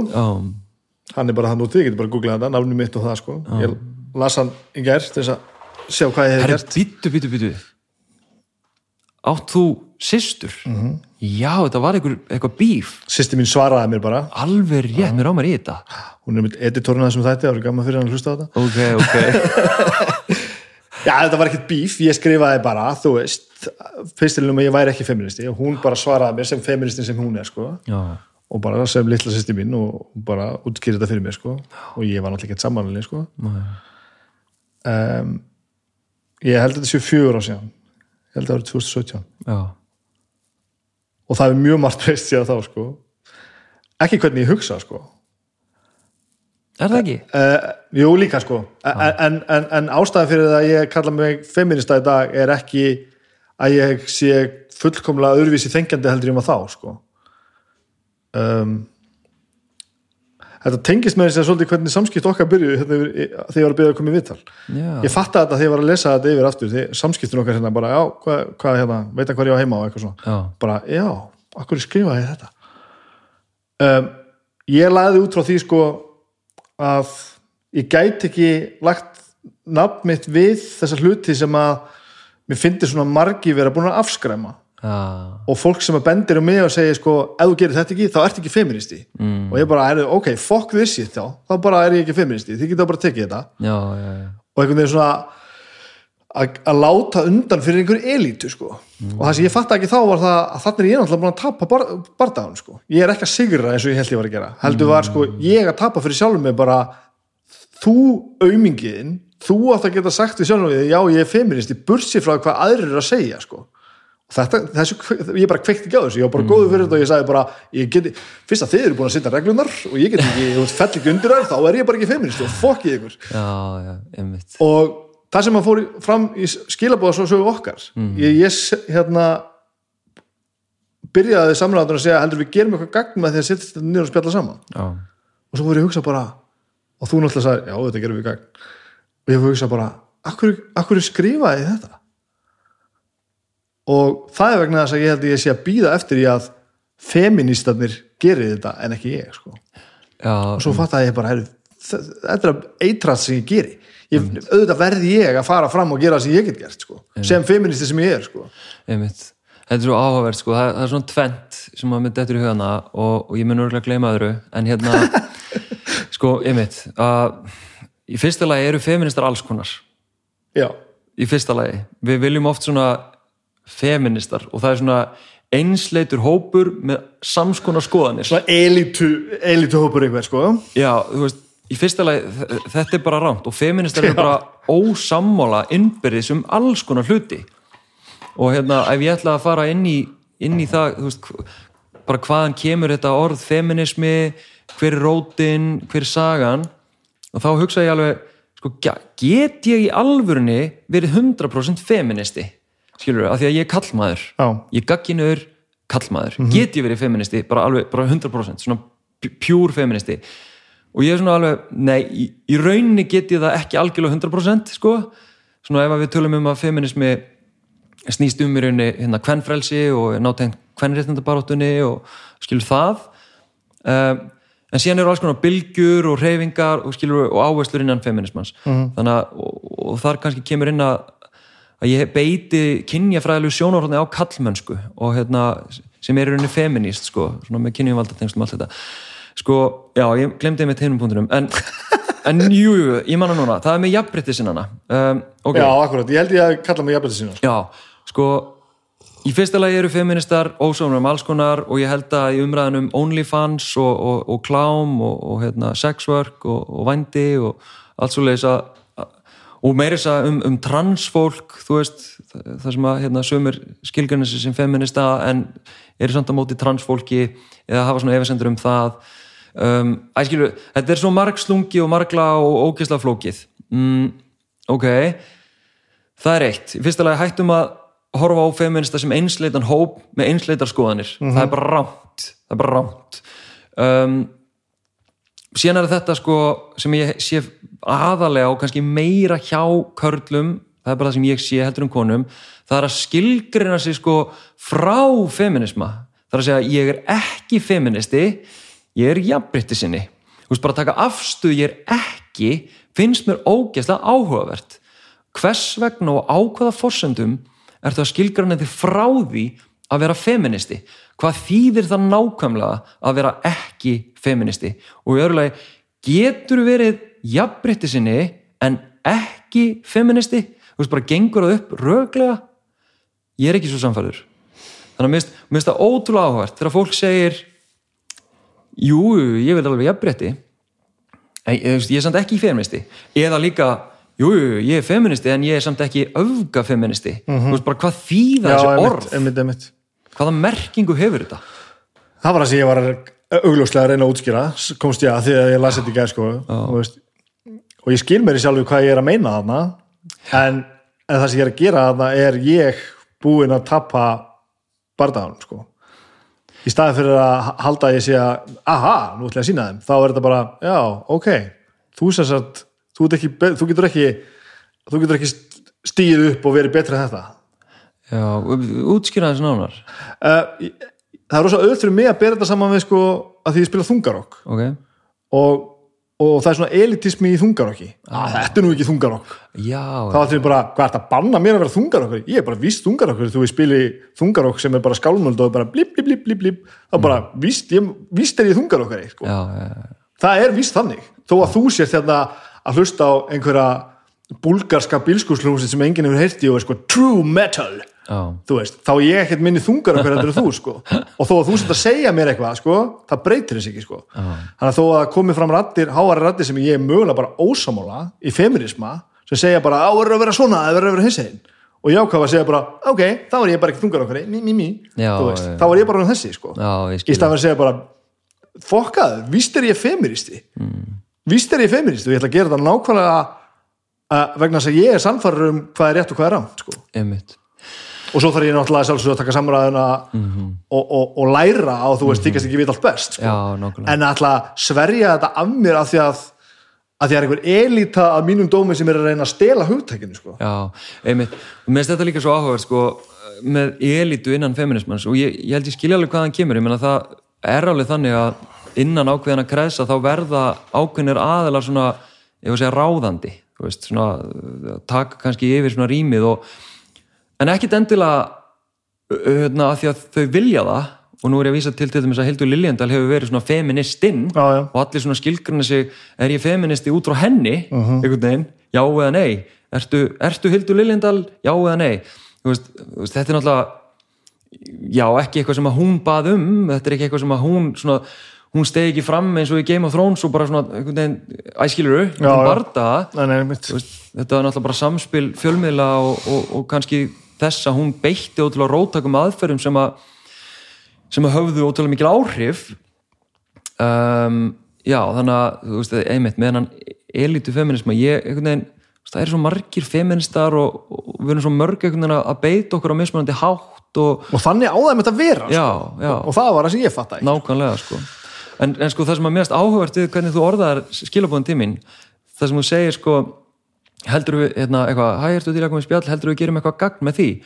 Og ég spyr, hérna, hvað áttu við með gagn? Eitthvað svona, og þá er henni ert að meina gerum við ógagn? Í rauninni, já, já, gerum við ógagn með því að vera að tala saman núna, með það sem er að gerast?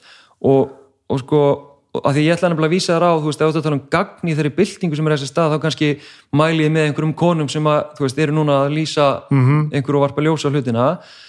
Um, þú veist, það gerir gagn, þú veist, í barátunni, en ég held að við að tala um þessa hluti, við gerum ekki ógagn. Nei, mitt, skilurðu. þannig að ég held að það sé líka þú veist, gagn, já ok, besta gagnið ég veit það ekki, en, veist, en, en ekki ógagn.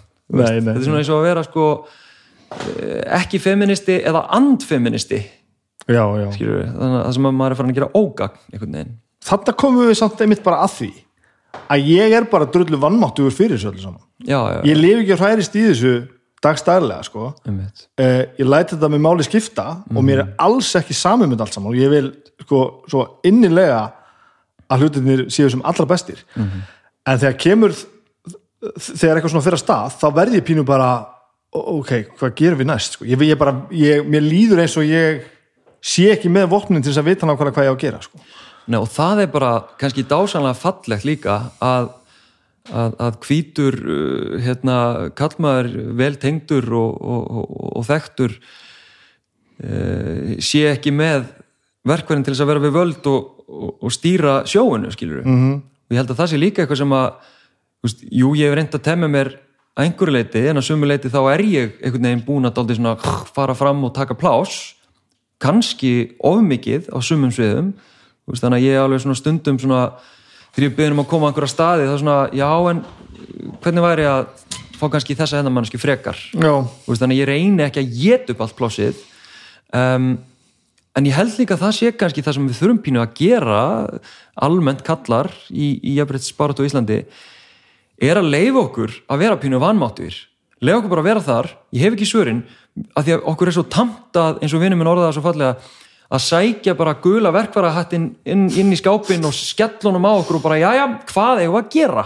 Praktist það er ekkit endilega svoleiðis alltaf. Og sérstaklega ef við förum inn í mentalót umræðu að hérna, sérstaklega sem þekkist í kall-kona samböndum að hérna, það sem að mentalóti fellir frekar á, á konur almennt, það sem að kallar einhvern veginn komast undan þeirri ábyrð að, að, bera þetta mentalót að svo kemur það upp og þá bara, jájá, nú ætlum við að, að, að laga þetta praktist þú veist, bara setjum þetta í kerfi og, og, og við ætlum bara að laga þetta. Eða eins og bara með konunni minni, þú veist Já, þú veist, það er enda lengri saga en, en sko hún tala oft um að þetta er svo leðilegt að hún gæti ekki fengið tilfinningarlegan stuðning hjá mér. Og ég bara þú, veist, þú ert ekki alltaf til staðar fyrir mig.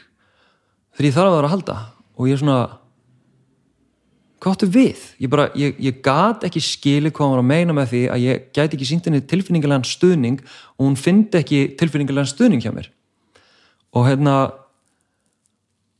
og ég, að því ég vildi bara, ok, þú, hvað vant að ég? þarf það komast í ræktina, þarf það hérna, hérna, fá meira Bara leys- bara leysa Já, málin. bara, hvað, hvað er það að meina? Hvað, hvað, þarf- hvað á ég að gera? Hvað get ég gert fyrir þig? já Ég er að reyna að vanda mig. ég er um þetta maður. Ég er að reyna að vanda mig hérna.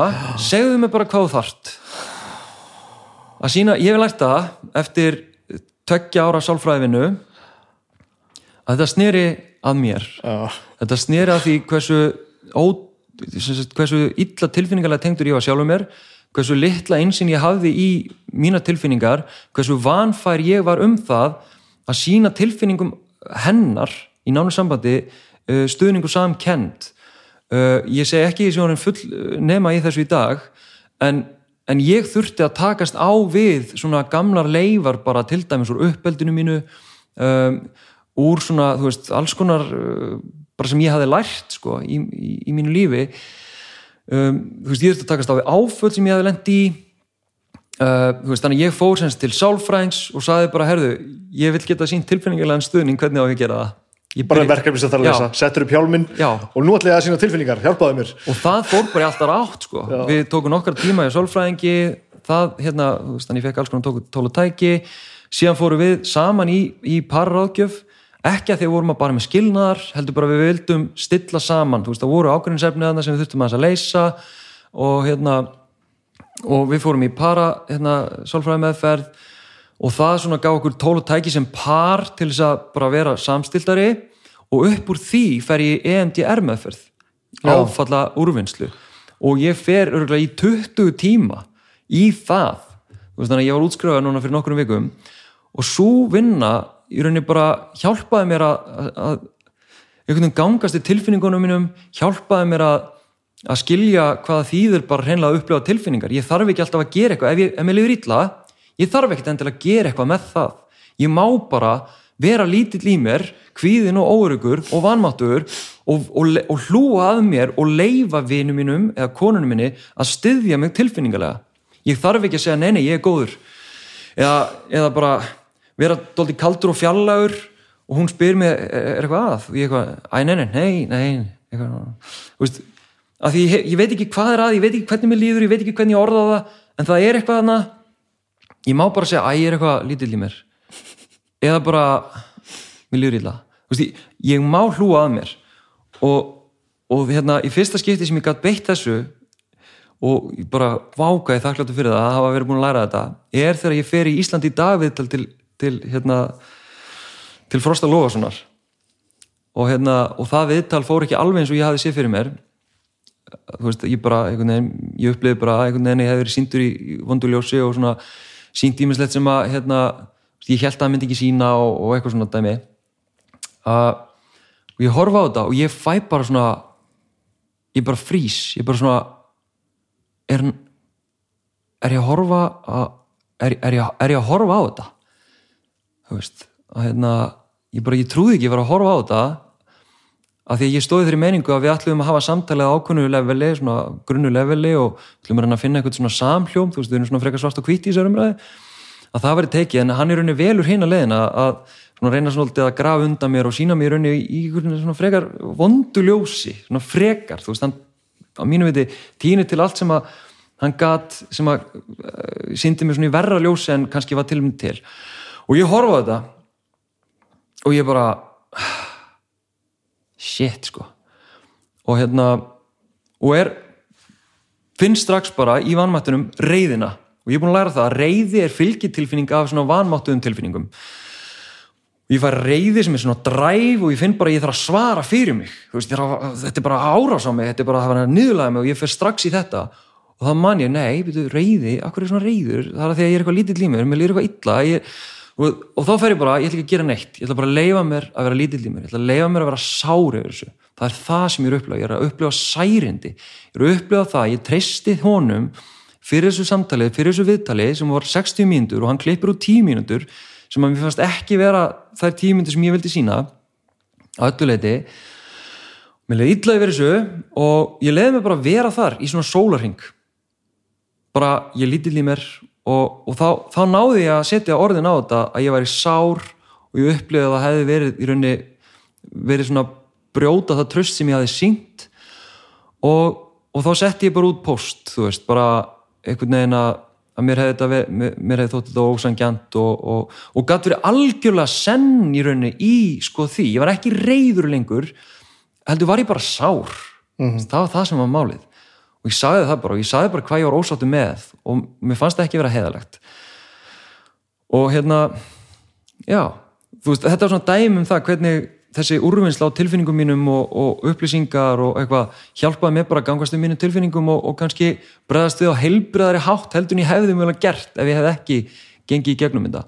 Og þetta er, og þetta er líka hluti af þessu feministka uppskurðaferli mínu að hérna að bara, þú veist, gangast við einhvern veginn sjálfum mér sko Þetta sem þú ert að gera alltaf dag veist, þetta er vinnaðin eða ekki? Sko, jú, ég er náttúrulega ég fæ ymmit og þar kemur enn en aftur inn hérna með forrættindi, ég fæ styrk úr jafnbryttisjóði til þess að vera að gera það sem ég er að gera. Ég fæ styrk til þess að vera með að miðla fræðslefn á samfélagsmiðlum uh, ég fæ styrk til þess að vera með svona tv og hérna podcast svona fræðslumiðlun um, og síðan uh, svona átagsverkefni sem að ég gerði sem að var jáka kallmennska, þetta var svona þrennskonar verkefni sem ég fekk styrk fyrir. Þannig ég hef síðasta árið verið í raun að starfa við samfélagsmiðla, bara miðlun í raunni fjölmiðlun. Um, en styrktíðanbylunni lokið þannig að uh, hvernig ég, ég fæði mig er í rauninni gegnum fyrirlestra eins og er. Mm. uh, ég starfa líka aðeins með svona jafnbrytts fyrirtæki sem heitir M-Power í í svona greiningum og ráðgjöf í afbreytsmálum en hérna en jú, ég, ég starfa eins og er við, við þetta. En eins og þú þekkir að vera í einhverjum svona, þú veist bransa, þú veist, út með podcast sem er svona frekar vinsalt, þannig að það er ákveðin tekjulind, þú getur, við meina við erum hérna að verja fleiri klukktumum saman í þessu. Mm -hmm. þú veist, meina, þú gerir þetta ekki bara af hérna af ástinni og áhónum einum saman, sko bara við þurfum að lifa þannig að það er, veist, ég á eftir að sjá fyrir mér, menna, fyrirlestarinnir einur og sér duð ekki til þess að borga með kennaralögn sko nei, nei, nei. Uh, hafa ekki gert það hinga til þannig að uh, já, en ég starfa við þetta eins og er og hvað ertu? Við hvað starfar þú? Veist, hvað er þetta? ég, ég með sko, ég fór að vita um daginn sko hérna, og þá svona, hver er titillin? hver er, er starfstitillin? Og ég, svona, ég lendi alltaf í vandraði með það. Ég veit það ekki, ég veit ekki hvað ég tilla mig. Þá var ég tillað sem réttstjóri samfélagsmiðla kallmennskunar Já, en þetta er ekki það. Nei, sko ég er náttúrulega kennari. Já. ég er kynjafræðingur. Uh, þú veist ég, ég veit ekki, er ég, er ég content maker á samfélagsmiðlum, er ég fyrirlesari? Er ég, þú veist, ég er náttúrulega bara ekki deitt og, það, og þetta er kannski leibilismin sem að við erum líka doldið að tala um við viljum alltaf flokka fólk til þess að skilja það. Býtu, ertu, býtu, býtu, ertu samkynhefur eða ertu gagkynhefur ertu kalliða kona? Býtu, ertu kynsegin? Býtu, ertu, þú veist, við viljum alltaf reyna að flokka allt sko, leipela það til þess að ná utan það, til þess að skilja það til þess að vera ekki svona vanmáttu fyrir því að því við viljum alltaf hafa völd einhvern veginn, eða, ég sé það þannig. Þannig að mér er kannski bara dásalegt að vera svona óræðin, hvað er ég svo meira í þessu sem ég finn sko að sem ég finn alltaf og veit að það er fullkomlega ósangant að, mér meiri sé að sko líður eins og ég eigi bara geta bara eigi sé bara að krefja það um svör sko. Já, bara hvað er að gera? Og þú eigi bara geta svara Já. því sko. Og það er náttúrulega ótrúlega vitlaust sko. Einmitt. En ég byrjaði algjörlega þannig þegar ég sá minn fókus bara ok, hérna hasta kallmennskan sögurnar ég sá við þurfum að tala um kallmennsku byrjaði þetta þar þegar þú varst, svona að slá að þessa kallmennsku ímyndir þarna? Já, þegar frásagnin kalla á Twitter komið fram. Það var grótart sko. Þú veist, ég var svona í fórsvari við það og setti þennan status út og sem að hérna, sögurnar spruttu síðan í kjölfarið og, og bara til þess að gefa kredit Sóli Tómasdóttir á hugmyndina. Já, já, hún kemur með hana til mín og, og ég hérna, einhvern veginn lendi í þessu sko. Um, og þar finn ég í rauninni fókusum minn. Að þarna, mm. kallmennska það er eitthvað sem að reyfi við köllum. Það er eitthvað sem fær kalla til þess að í rauninni vilja hafa skoðun. Það er húkurinn inn í samtalum jafnbrytismál og já. og þar finn ég fókusum minn einhvern veginn. Og upp frá því hérna einmitt uh, er ég dálítið svona vel, vel staðsöldur, finnst mér. Upp frá þessu, ég man ekki hvað spurningin var. Bara þetta að ég, að ég, hver, hver þú ert og að ég geti að ég sé að krefja þeim svör. Sko. einmitt, með svörin ég byrja þannig að að ég bara gaggrina og ég bara afbyggja. Ég bara varpa að ljósa Já. og setja í samengi, þú veist, það er bara það sem ég er að gera. Þannig ég fæ ógeðslega mikið að skilabóðum þegar ég er að byrja með samfélagsmiðlinn kallmennskan frá brjáluðum köllum og brjáluðum ungum strákum. Og bara, þú veist, ég fæ hótanir og, og bara alls konar fucking skít, sko. Um, alveg sama þó að ég hérna, segi líka hvernig kallmennska bitnar á strákum, alveg sama þó ég segi, þú veist, ég hat ekki kalla kallmennska er ekki að sama og kallkins einstaklingar, alveg sama hvernig ég reyna að framreiða þetta. Uh, ég skil reyndar þegar ég tala um feðraveldi og hvernig kallar þurfa að taka ábyrða ábyrði og allt þetta, ég skil að það stuði menn sem að tengja ekki við það og finnst einhvern veginn að sér vegi í þeirri umræði uh, en ég var aldrei í rauninni eða mjög lítið að svona gefa einhvers konar leiðarljós í þessu myrkri. Já, en, já, Þú veist, ég var rosa lítið að segja hei, hvað segið um að gera svona? Hvað segið um að horfa þetta í staðin fyrir þetta, eða eitthvað svona. Um, einfalda tók ég það Póli Hæðina, Póli Hæðina að að segja, það er ekki mitt. Það er bara ekki mitt að gefa ykkur svörin. Við þurfum bara að finna út úr þessu. Þú þarfst bara að finna út úr þessu við sem samfélag þurfum bara að finna út úr þessu. Og ég er alveg ennþá þannig að við þurfum alveg sem samfélag að finna út úr þessu. En ég er samt með kannski þessari, þessu átagsverkefni sem að já hvað kallmennska var að þar mögulega er ég líka aðeins að stíða inn í hei, þú veist við getum alveg gert bara þetta, þú veist byrjum bara hér. Byrjum bara að hlusta, byrjum að taka afstöðu gegn ofbeldi, byrjum að rýna í okkur sjálfa. Þú veist það er alls konar sem við getum gert uh, á meðan að við erum að finna út úr þessu. Hvernig viljum við búa til uh, kallkins einstaklinga sem eru ekki litaðir af þessari ráðandi kallmennsku ímynd sem eru ignorant á forhendin sín þar sem að þeir vaða markalöst ómeðvitað yfir, já, vaða ómeðvitað yfir mörg annara mm -hmm. get upp allt plásið æskilur þannig að hérna ég hef svona aðeins verið að, að týna til smá svona uh, leiðarljós vasaljós í myrkrinu fyrir, fyrir mjög týnda menn. Hv- hvert sérðu þetta fara núna alltaf þú veist nú er alltaf þess að bylgjur eru náttúrulega augljóslega að gera helling sko. Ég er til dæmis bara allt annar maður að þetta fór á stað sko. já, já, um, en hvert er þetta að fara? hvert er hvað að fara? hvert, sko að því maður fann núna að þetta byrjaði aftur já, að eitthvað sem maður held kannski að hefði breyst eða gerst það hafði einhvern veginn ekki breyst eða gerst nei þannig að úst, þurfum, þurfum við bara að gera meira? Eða þú veist hvað? Þurfum við bara að gera þetta oftar? Eða þurfum við bara að lifta þessu herra eða hvað? Um, sko ég náttúrulega hef ekki svarið við þessari spurningu en krefið það um sögur hérna. já, en uh, ég hef valið mér það uh, sjónarhótt að höfða til uh, segja gerenda hæfni einstaklinga. Veist, ég er að höfða til kalla uh, og ég trúi því að ef nógu margir einstaklingar, þá sérstaklega kallkins einstaklingar taka meðvitaða og ábyrga afstöðu með jafnbretti að þá munum við sjá þær kerfisbundnu að kerfislagur breytingar sem að, sem að konur og seffræðingar og rannsakendur hafa verið að benda á.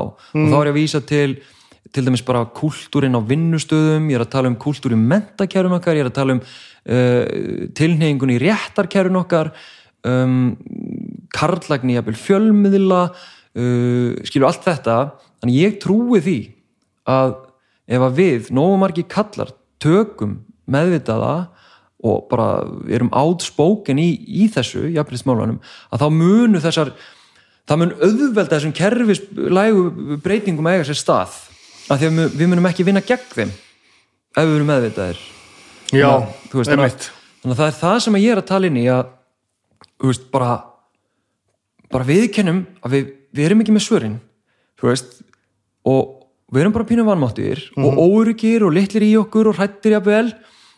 Uh, viðkennum það bara við erum fúsir að horfa, horfa, horfa inn á við uh, skoða okkur sjálfa og, og svona okkar samskipti og veist, by- byrjum bara þar á meðan við erum að hlusta á allt sem er að gerast og, og, og ég held bara ég held bara að þetta verði allt í lægi sko. Veist, ég held það í alvörunni Ok, heldur það? ég held bara í alvörunni að þetta verði bara allt í lægi sko. Hvað segiru við fólki sem að þú veist okkur sem að eru bara skítrættið við að gera þetta sem að þú veist sem bara vilja bara láta þetta slæta sko. já þá vil ég segja að þú ert að velja kyrstuðuna þú ert að velja að halda hlutunum eins og þeir eru og velja það að taka ekki þátt í að breyta þeim þá er ég að vísa til þessara frásagnar frá konum þá er ég að vísa til þeirra rannsóknar sem við höfum um, um hvernig svona hvernig karlægni og ég raunin bara feðraveldið byrtist inn á vinnustöðum? Sko hold, eða holdgerist bara byrtist í svona ströymum og stefnum sem að útilokar til dæmis konur. Mm. uh, ég er að tala um hvernig hvernig það gerist í þessu meðndaleysi sko. Uh, og það, við getum gert þetta á alls konar hátt. Þú veist, byrjum bara það, þar sem að þar sem við teljum að við getum byrjað. Og, og ég til dæmis áður en ég byrjaði með fyrirlestra að ég hafði ekki hugsað mér að fara eitthvað að gera neitt með einhverja fyrirlestra sko. Mm. fyrir en að ég áttam á því að ég á samtöl við, við hérna æskuvinni mína, við erum bara út að borða eitthvað þar og það kemur eitthvað svona upp sko, eitthvað svona viðþorf eitthvað svona þessar þú veist, eh, hérna ég man ekki alveg hvað það var, það var eitthvað með svona konur var nú dóldi mikið að ljúa og, og þú veist, kallar eru jáðasettir, þetta var eitthvað svona. Og ég er svona og við höfum aldrei átt þessi samtöl. Þetta, þetta var svona cirka 2017 held ég. Átján. Nei, já, þetta er 2017 held ég. Uh, þetta er, er loka ás 2017, þetta er held ég bara rétt eftir MeToo-byltinguna, þú veist, hún er bara þarna, þú veist, það er bara allt að gerast.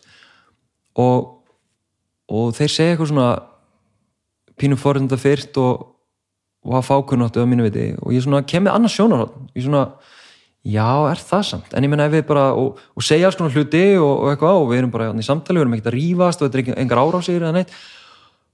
Og svo bara eitthvað, höldum við að horfum að borða og gerum eitthvað eitthvað annað og svo kemur einn vinnum minn á eftir og bara, herði vá, ég haf bara aldrei pælt í þessu eins og þú sagðir þetta á. Og hérna ég er bara aldrei hugsa yfir þessu og svo kemur annað vinnu minn, eitthvað svona, herri þetta er svolítið góð punktar hann að hefða aðan með þetta og ég eitthvað svona, nú? Að þið brúðust ekkit við því skilur, þetta var ennþá svona, þeir með sitt sjónarhóttn og ég með mitt og ég svona, neða svo bara, þú veist, fer þetta í eitthvað annað skilur eins og gerist í samtölum. Og þegar ég fæða feedback frá þeim, þá áttaði maður því ok, ég, ég hafði áhrif þarna á þeirra automatísku viðþorf og skoðanir uh, ég get kannski gert eitthvað meira af þessu. Þannig að og þarna fer ég ekki strax, herru, ég ætla að halda fyrirlestra. Þú veist, ég gerir það ekki strax. En ég sé að það er til dæmis með þessu hægt að hafa áhrif. -hmm. og svo kemur hasta kallmennskan í kjölfarið og, og svo finn ég ennþá mér þörf fyrir eftirspunni eftir því að ég sé eitthvað að tala um naglalakið og, og kallmennsku og svo frammeins og svo fyrir ég námið og, og, eitthvað og öðru og allt þetta. En við þurfum ekkert að fara í gegnum kynjafræðinám og við þurfum ekkert að hérna, einhvern veginn vera outspoken feministar til þess að gera þetta. Til þess að hreinlega bara, herru, ef að tala eins um óbyldi, mm -hmm. ef að eins að tala um samskipt okkar hérna við konur eða ef að eins að tala um ábyrð okkar á uppbyldi, ef að eins að tala um um, hvernig við höfum hagað okkur? Um, skilur bara vera forvitnir. Vera tilbúinir í þetta samtal. Mm. við getum allir kallar, við getum allir gert þetta og ef við erum allir með sömu skoðun þá er kannski til um til þess að reyna að fá eitthvað annað input inn í það.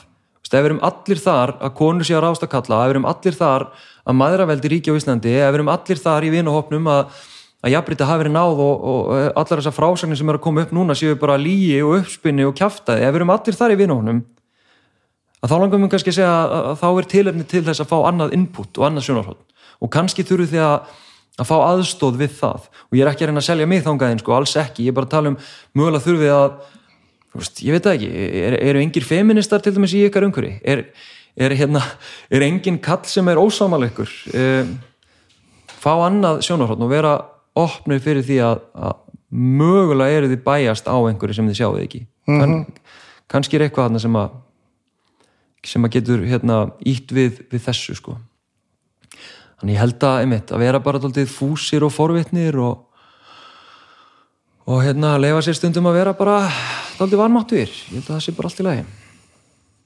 og á þessu samræðum daginn, þetta fór í gang mm. þá varum við að tala um sko einhvern nefndi að, að í fullkonum heimi með þetta allt saman, þá var þetta að gera þetta án þess að hugsa um reyði og refsingar sem fannst alltaf gott sko já, hvernig þá?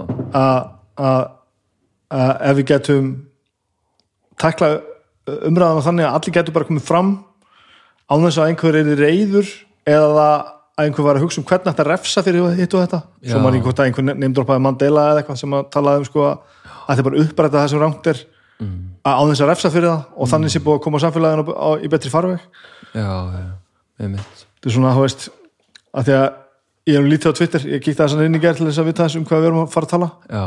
og inn á milli kemur svona blúsandi reyði sko Já, ég skil reyðina rosalega vel. Ó, ég skil hana ekki miskilega mig, ég skil þetta mjög vel Já. en ég finn að hún hjálpar mér ekki sko.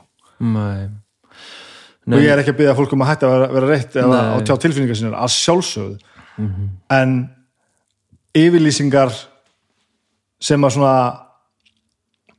benda í þá átt að það væri gott að steikja fólk á teini sko. mm. þú veist mm -hmm. um þetta Já, já, ég meina ég verð sjálfur stundum gjössanlega trilltur hérna yfir sumum aðtöðasendur sem ég fæ og ég get þá vel ímynda mér hvernig það er að vera til dæmis stólandi kynferðsóbildis og sjá, jábel vera og ég er ekki að vísa til þessa mál sem er oftir umræðinu núna, mm -hmm. ég er ekki að vísa til þess en að sjá kannski gerandaðinn vera að ljúa eða gerandaðinn vera að hampa sem, sem svo góðu manni sko ég nei, ég, veistu, ég get ekki ímynda með reyðina sem að þólandi hans eh, eða hennar eh, upplifir sko.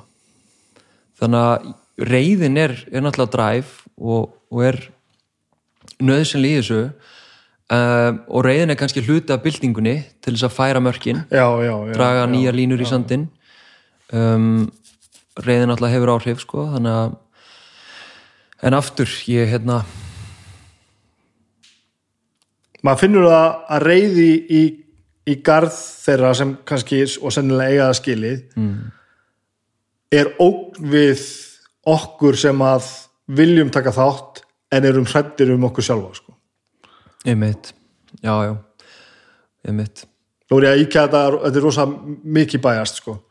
En, og ég er ekki, nú er ég ekki að segja að við erum að taka reyðin úr þessu, alls ekki, nei, nei, ég er bara að reyna ég lág svolítið yfir þessu gerðkvöldi og var að skoða þetta og bara og eins þá fyrir maður eins að hugsa sko mál sem maður hefur sjálfur tæklað sko mm -hmm. uh, hvernig þau eru einhvern veginn á hvaða tilfinningaskala það var, það var gert sko Já. að því að reyðin einhvern veginn hefur svo á endanum aldrei hjálpað neitt en hún er náttúrulega fullkomlega skiljanlega sko. Já, sko, ég, ég, ég, ég, get alveg trú að að reyðin er, er hluta af byltingunni og ég tók einhvern veginn samtali Berg Ebba hérna það sem hann var að segja sko sko það kom alls konar byltingar og, og í byltingu þá bara þú veist, er bara einhver sturlun skil og kaos og bara, bara allt í loft og eitthvað svona. Uh, en síðan vinnum við úr byltingunni eftir á. Veist, það, það verður bylting já, já, og bara, við förum bara jafnvel lengra en við ætlum okkur. Og, og svo svona hægist um og þá erum við dálítið svona að vinna úr veist, þá erum við svona að setja nýja reglur við erum komin í viðmið og svona og kannski eftir byltinguna verður ég var að segja, ekki jafn mikið reyði já, kannski er það þannig sko. Þannig að og ég kannski er á báðum stöðum. Ég er að hluta til reyður og í byltingunni en ég er að mörguleiti líka bara hreinlega að því að ég er kallmaður, hvítu kallmaður gagginniður í forendastöðu þar sem ég get líka bara left mér að taka samtöl og, og skilið kallremputnar og svona já, já, já og, og setja mig gerundum ofbeldis og ég tryggjast ekki neitt að því að ég er ekki þólandi ofbeldis, æ skilur þannig ég get svona oft á tíðum verið á, á mörgum stöðum í einu eða svona staðsettur á mörgum stöðum í einu. Þannig að hérna og mér varst þessi skýring Bergsæpa að vera uh, svolítið svona, já, hún meika alveg sens fyrir mér sko. Kannski verður að brenna svona á þessu til þess að þetta gerist. Já, já. já. skynnsemin ein og, ein og sér bara hennilega, nei, bara lá- látið ekki gerast. Nei, einmitt. Og aftur, ég er ekki að segja að fólk eigi ekki að vera reitt, ég skil þetta mjög vel sko, já, en þetta er ég, ég, maður finnur maður finnur ógn við sig sko. Mm. og ekki þetta endilega reist á neinu rökum heldur bara þú maður finnur bara það er ekki auðveldar að koma fram sko. Já. Og að því að við vissi að við vorum að fara að tala saman á, búin að tala við menn í kringum mig sko. Já. og þetta er svolítið þetta. Og ég er búin að heyra eiginlega frá hverjum einasta ég er hrættastur við það sem ég veit ekki að gæti verið að núti sko. -hmm. eitthvað sem ég veit ekkert um og gæti komið fram -hmm. og það er yfirþyrmandi fokkin tilfinning sko. -hmm. ég er tvis og sinnum á æfinni staðið fyrir, frammi fyrir því að eitt skiptið þá vissi ég ekki fyrir mörgum ánum setna að ég hafi gert konu miður sín og hún búin að sár og reyð út í í mörg ár ok, fyrir eitthvað sem ég sagði því sko. mm. ég manna þetta ekki sko. um, en ég veit alveg hvað hefur já, ég var þessi sem ég var að lýsa hérna kannski upphafi þessi sem að sagði bara allt og bara um allt og alla ég svolítið í, líka í kannski stundum í, í hérna í, í skjólið þess bara að vera bara fyndin og skemmtilegu sko einmitt bara að það má gera grína öllu sko og aðrir verða bara að svara mm. eða veist Mhm. ef, ef ég segi þetta og þú, þú ert ekki sammála þá eru bara að koma tilbaka sko og fannst þetta fullkomlega einmitt, og það tók mig mörg ára að fatta og þetta var stór partur af því ég fattaði bara erðu þú veist, þetta má ekki gerast sko. og ábyrðin er mín vegin sko. það, ég get ekki snúið því einhvern veginn út sko. og ég er óbóðslega þakkláttu fyrir að ég, þetta kom til mín sko, á endanum já, já annarskipti var ég að stunda kynlíf það sem að ég gerði eitthvað sem ég átti ekki að gera Mhm. og hafði ekki hugmyndu það sko. Og það var allt í lægi sko. eða þú veist, það spilaðist þannig að allir voru bara glæðir og sáttir sko. mm. en þessi stórgóða vinkonu mín hún feysaði mér svo já, og sagði bara þetta er ekki lægi sko. einmitt, og ég tók alveg gaslæti á hann og allt sko. einmitt en það endaði með að ég smátt og smátt áttaði mig á því bara þetta er bara ekki rétt sko. einmitt, og þarna, það sem hjálpaði mér þarna langmest var að geta farið án þess að vera hrættu við reyðina sko. skilur hvað ég var að fara? Og þess vegna sko, og veist, bara með þessi tvö mál á, á einhvern veginn á mér sko, sem, sem betur fyrir ég er búin að leysa og allir eru glæðir og þetta eru bara sem betur fyrir stórkostlega mannesku sem að sem að hafðu bara þennan persónuleika að geta talað um þetta við mig sko. einmitt. Þá getur maður ekki að hugsa bara hvað um hinnar sem að sem að ég ó, óð bara yfir sko. einmitt, og þegar þú komið þetta sko, og sér svo alla reyðin út í samfélaginu hvað á maður að gera? á maður að taka viðtalið þig? það er ekki gáðlegt sko. en ég verð að gera það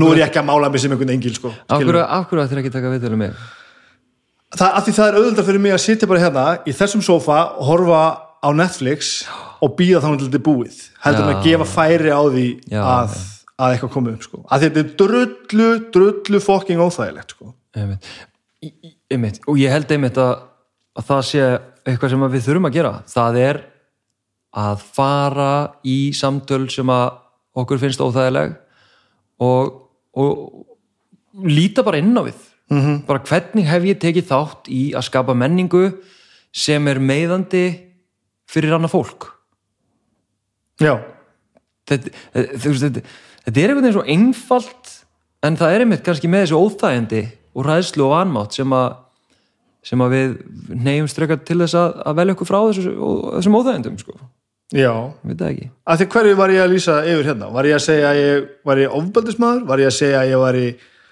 einhver hluti, einhver hluti verri manneska var ég að Já. segja að ég hefði ekki vita betur? Hvað var ég að segja, þú veist?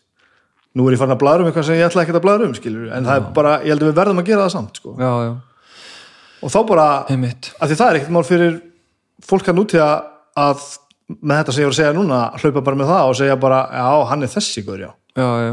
og ég meina ég hugsa það sama þú veist, ég meina nú hef ég hérna, þú veist, ég gerði hérna mentalót þátt með konunni minni sko, sem að bara uh, bara lang einselsti þáttur sem að ég hef gert á æminni og þar er ég sko að opna mig bara svo óþægilega sko, Já, já. með ábyrðleysi mín á einu á heimilinu.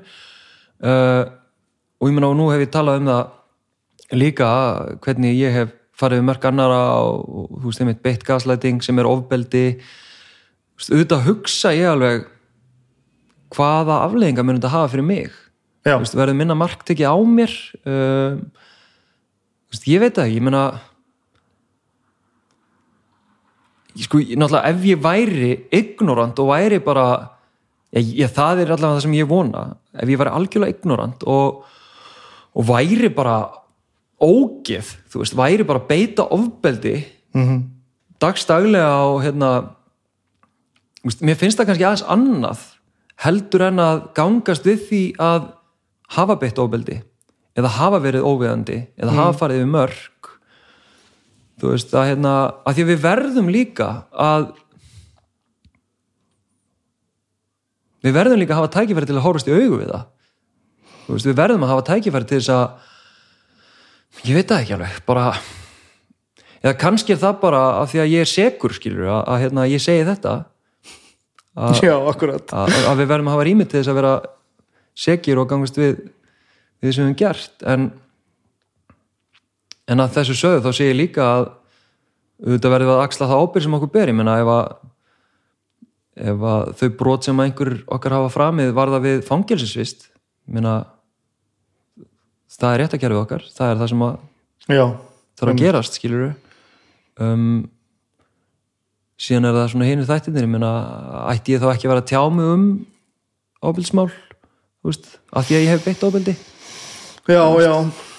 Um, þú veist, ég veit það ekki náttúrulega eins og við byrjum á að tala um hluti af því hvers vegna ég kannski get verið já, beittur á uh, kallmennsku hugmyndur og ég er og, og haft já, sterka insýn inn í þennan kultúr uh, og tala kannski með já, nákvæmum hættu ég geri er einfalda vegna þess að ég var þarna.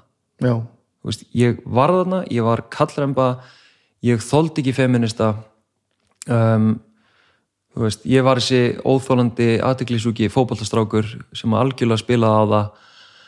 Ég veit hvernig það er að, að spila á og með menninguna sem að elskar mig. Mm Þú veist, ég veit það. Og þess vegna get ég talað um það, þess vegna get ég gaggrinda því að ég er líka tilbúin til þess að feysa það. Um, og þar að leiðandi líka meina, eins og þegar ég fæna styrkur í Abritsjóð þá náttúrulega eðlilega verða margar konur, feminískar konur reyðar yfir því að nýjútskrifaður kallkins eh, hérna, kynjafræðingur fær hérna meðgjöf upp á einhverjum nokkra miljónir til þess að vinna við það sem þær hafa gert í sjálfbúðastarfi einfallega því að þetta branna á þeirra skinni og þær urðu að berjast þeirri frelsinu sínu eða virðingu í sínu samfélagi. Og ég eitthvað vel minnið og fæ bara hérna einhverja peninga meðgjöf þú veist, þetta er ég skil reyðina, skilur, ég skil gaggrina og ég get ekkert sagt eitthvað hei, hættið nú að gaggrina mig. Þú veist, bara, ég skil gaggrina bara auðvitað gaggrinni þetta en ég ætla að reyna að vanda mig, þú veist, ég ætla að reyna að gera eins vel og ég get. Ég vona að ég sé ekki að vinna gegn því sem að er að berast fyrir. Ég vona að ég sé að styðja við það. Og veist, ég er samfærður um það ég sé að gera gagn, ég er samfærður um það að með því að losum þessa íhaldsamu þræði kallmennsku hugmynda að sjálfkrafa muni losna um ímsa þræði okkar samfélagi sem að næra misrétti. Ég er algjörlega samfærður um það. Ég er algjörlega samfærður um það að ef að kalla stiga fram og styðja jafnrétti horfast í augu við sjálfa sig og hvers afurður eru að þá munum við sjá jafnrétti í okkar samfélagi fyrr heldur en ella. Þú veist, ég, ég er algjörlega samfærður um það en ég veit ekkert hvernig veist, sumar konur, sumar feminska konur horfa það, kannski eru það rósamala þá bara þá er það bara þannig. Og hérna, en ég veit líka að ég verður ekkert eitthvað alltaf í þessu sem er líka pínu svona steikt, þú veist, ég er náttúrulega að velja minni í þetta, svo get ég bara valið mig út úr þessu og bara fundið ekkert fyrir því. Æfattur þau? Ég ætlaði að fara að spyrja þessu bara til þess að loka þessu öll saman. Já. Að þú ert svo var svo mikill þessi gaur þessi fótbollagaur og allt saman. Já, og svo verður þú alveg þessi gaur þú veist, þetta er alveg svona, þetta er alveg hérna þú veist, dópistinn sem að fer eitthvað að jóka, sko, þú veist, þetta er alveg það. E- e- en með þessa kúvendingu, skilur við, og nú þykist ég sjá að þú ert náttúrulega sko, gegn heilli þessu sem þú átt að gera uh, sérðu fyrir þér einhvern tímann að þú verði bara ekki annarkvæmt treyla og fáið bara einhverja aðra sína á allt? Já, eða bara að þú fari bara og læri pípulagningamestarinn og gerir það bara. Af því þú ert þú ert að sé ekki mörg ár, þú ert gegn sýrður að vera þessi gaur, eða ekki? jú, þetta er bara að hluta til uh, sjálfsmynd mín Já, karlmennskan, veist, ég meina það vita ekkit eitthvað margir endilega hvað ég heiti en það vita kannski rosa margir að ég er karlmennskan já, já, skilur einmitt. Um, en þú veist það að ég starfi við þetta og gera það sem ég er að gera er náttúrulega háð því að ég geti lifað af því það er bara engin spurning. Um, en það sem að ég kannski sé ekki fyrir mér að fara í yðnám og, og, og læra pípulagningar og eitthvað svoleiðis en það sem ég meina með að vera svona aktíft í kannski baráttunni um, ég sé kannski fyrir mér að ég færi frekar inn í rannsóknirnar. Vísindin meira það, Já. já, já, veist, það er kannski það sem ég sé kringum mig að, að þeir svona sem hafa farið á, á undan mér, þessir örfáu kallar sko, sem ég get líka við talið upp. Já. að hérna veist, þeir hafa svona farið inn í eh, inn í kennslu eða inn í háskólasamfélagið doktorsnám eða eða, já, einmitt, að vera að kenna sko. Uh, ég sé það algjörlega fyrir mér, mér finnst það mjög heitlandi sérstaklega þegar nú hef ég einhverja reynslu af þessum aktivisma og svona díla við sjálfa mig og, og, og einmitt vissanast í, í samfélaginu og, og ég held að það sé mér dýrmætt að fara sérn inn í að rannsaka þetta sko. Um, það er svona eitthvað sem ég sé fyrir mér en síðan náttúrulega er ég mentaði kennari ég meina kannski fer ég að kenna framhaldsskóla eða eitthvað svoleiðis.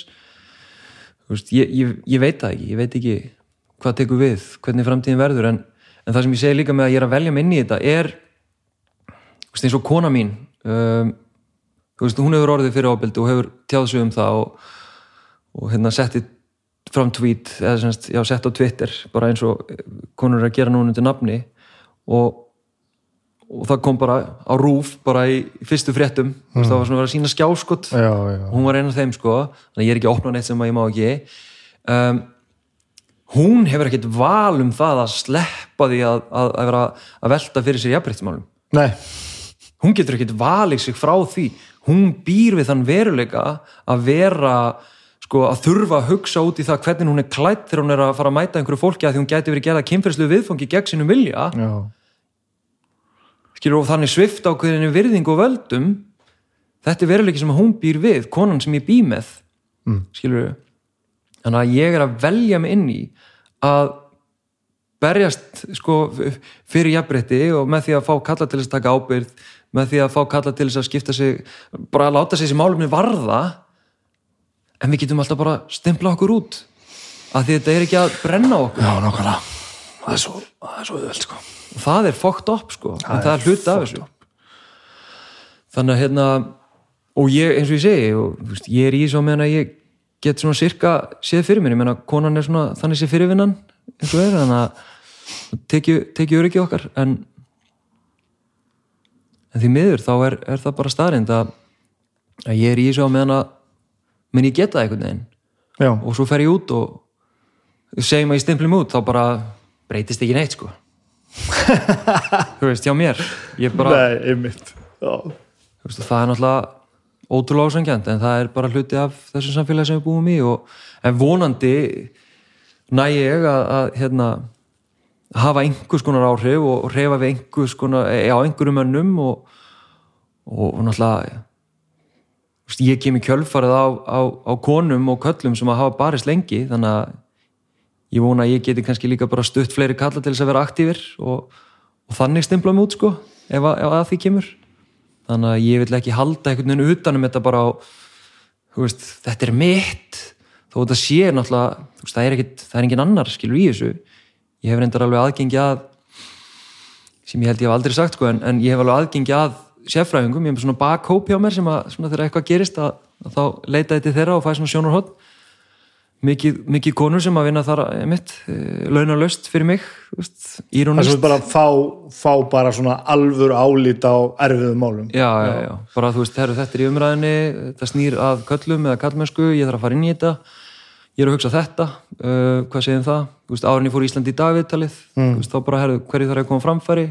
Stilti svona fókusin hvernig ég fór inn í viðtalið. þú veist, þannig að það er ótrúlega dýrmætt sko, en hérna og það eru mitt, já, það eru kennarar og svona, já, doktorar og sérfræðingar í, í þessum málefnum sko, þannig að það er ótrúlega dýrmætt að, þú veist, þó að ég kannski sé oft eitt svona frammi þannig að þá náttúrulega hef ég ég bý að hafsjó á fróðleik og, og, og fæ náttúrulega auðvitað stuðning líka, ég meina ónættilega, ég er með 19.000 fylgjendur á samfélagsmiðlum, ég er að tala um jafnbreytsmál, Já, þetta er bara galið sko, en það er að hluta til á því að ég er kallmaður, að hluta til. Ég kall maður að tala um jafnbreytsmál Það er það sem við hljótum að þurfa að gera sko. já, já, veist, En vel veginn gert, ég er ekki að taka það þér Ég er ekki að segja að við sem bara, já, auðvitað er að gera það. Nei, nei, en þú veist, þetta er hluti af forréttindunum. Og ég get ekki annað að vera meðutur um þau og verið líka krítiskur á það.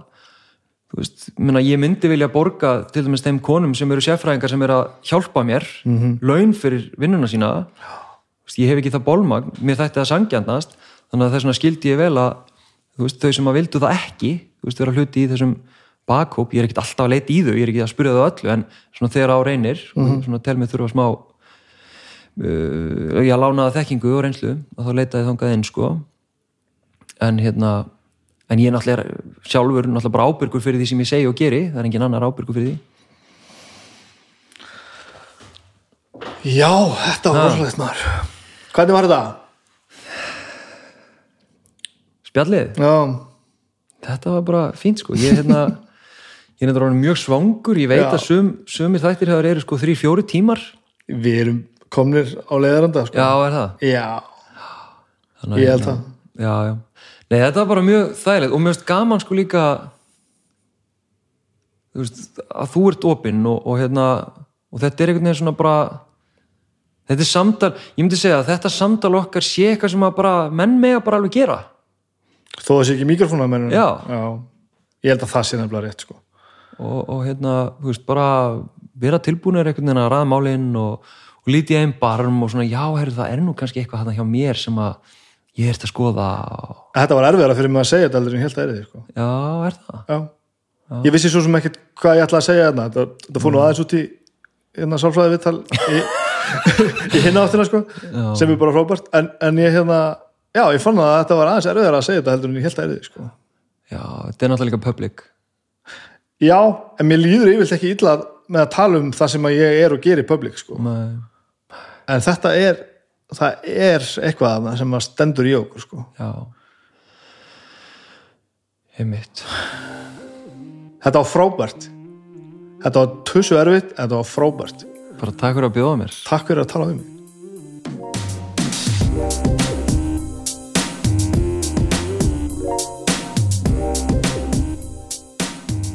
já. Það er ekki miklu við þetta betta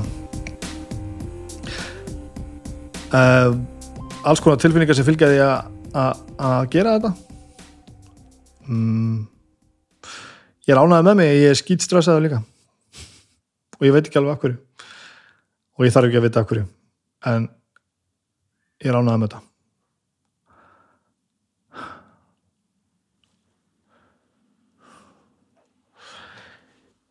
ég, ætla að minna ykkur á það sem að hljóðkirkjan býður upp á. Þið finnið það sem þið viljið. Ég ætla að fá að minnast á það að morgun föstudag er besta platan að tala um Talking Heads sem er ljómsveit sem að ég kynntist allt og sent frábær uh, frábær ljómsveit og alveg alveg hrikalega skemmtilega þáttur og mjög gaman að tala um Talking Heads og Arnar ekkert veit náttúrulega allt eins og venjulega. Takk fyrir Simin Pay fyrir að taka þátt í þessu með okkur öllu, öllu taka þátt í þessu öllu saman með okkur skildi ég sagt hafa. Eh, takk fyrir Þorsteinn fyrir að taka slægin í samfélaginu fyrir að koma og spjalla við mig og, og, og, og gera þetta rétt. Og ég hveti ykkur öll og sérstaklega ykkur kallar, menn, strákar. Gerið það sem er rétt að gera. Við þurfum að rétta skútuna af. Þetta er ekki í lægi eins og þetta er berum ábyrða okkur sjálfum og, og játum að við erum ekki fullkomnir og gerum betur. Þar höfum við það. Takk fyrir, við heyrjum næst, bye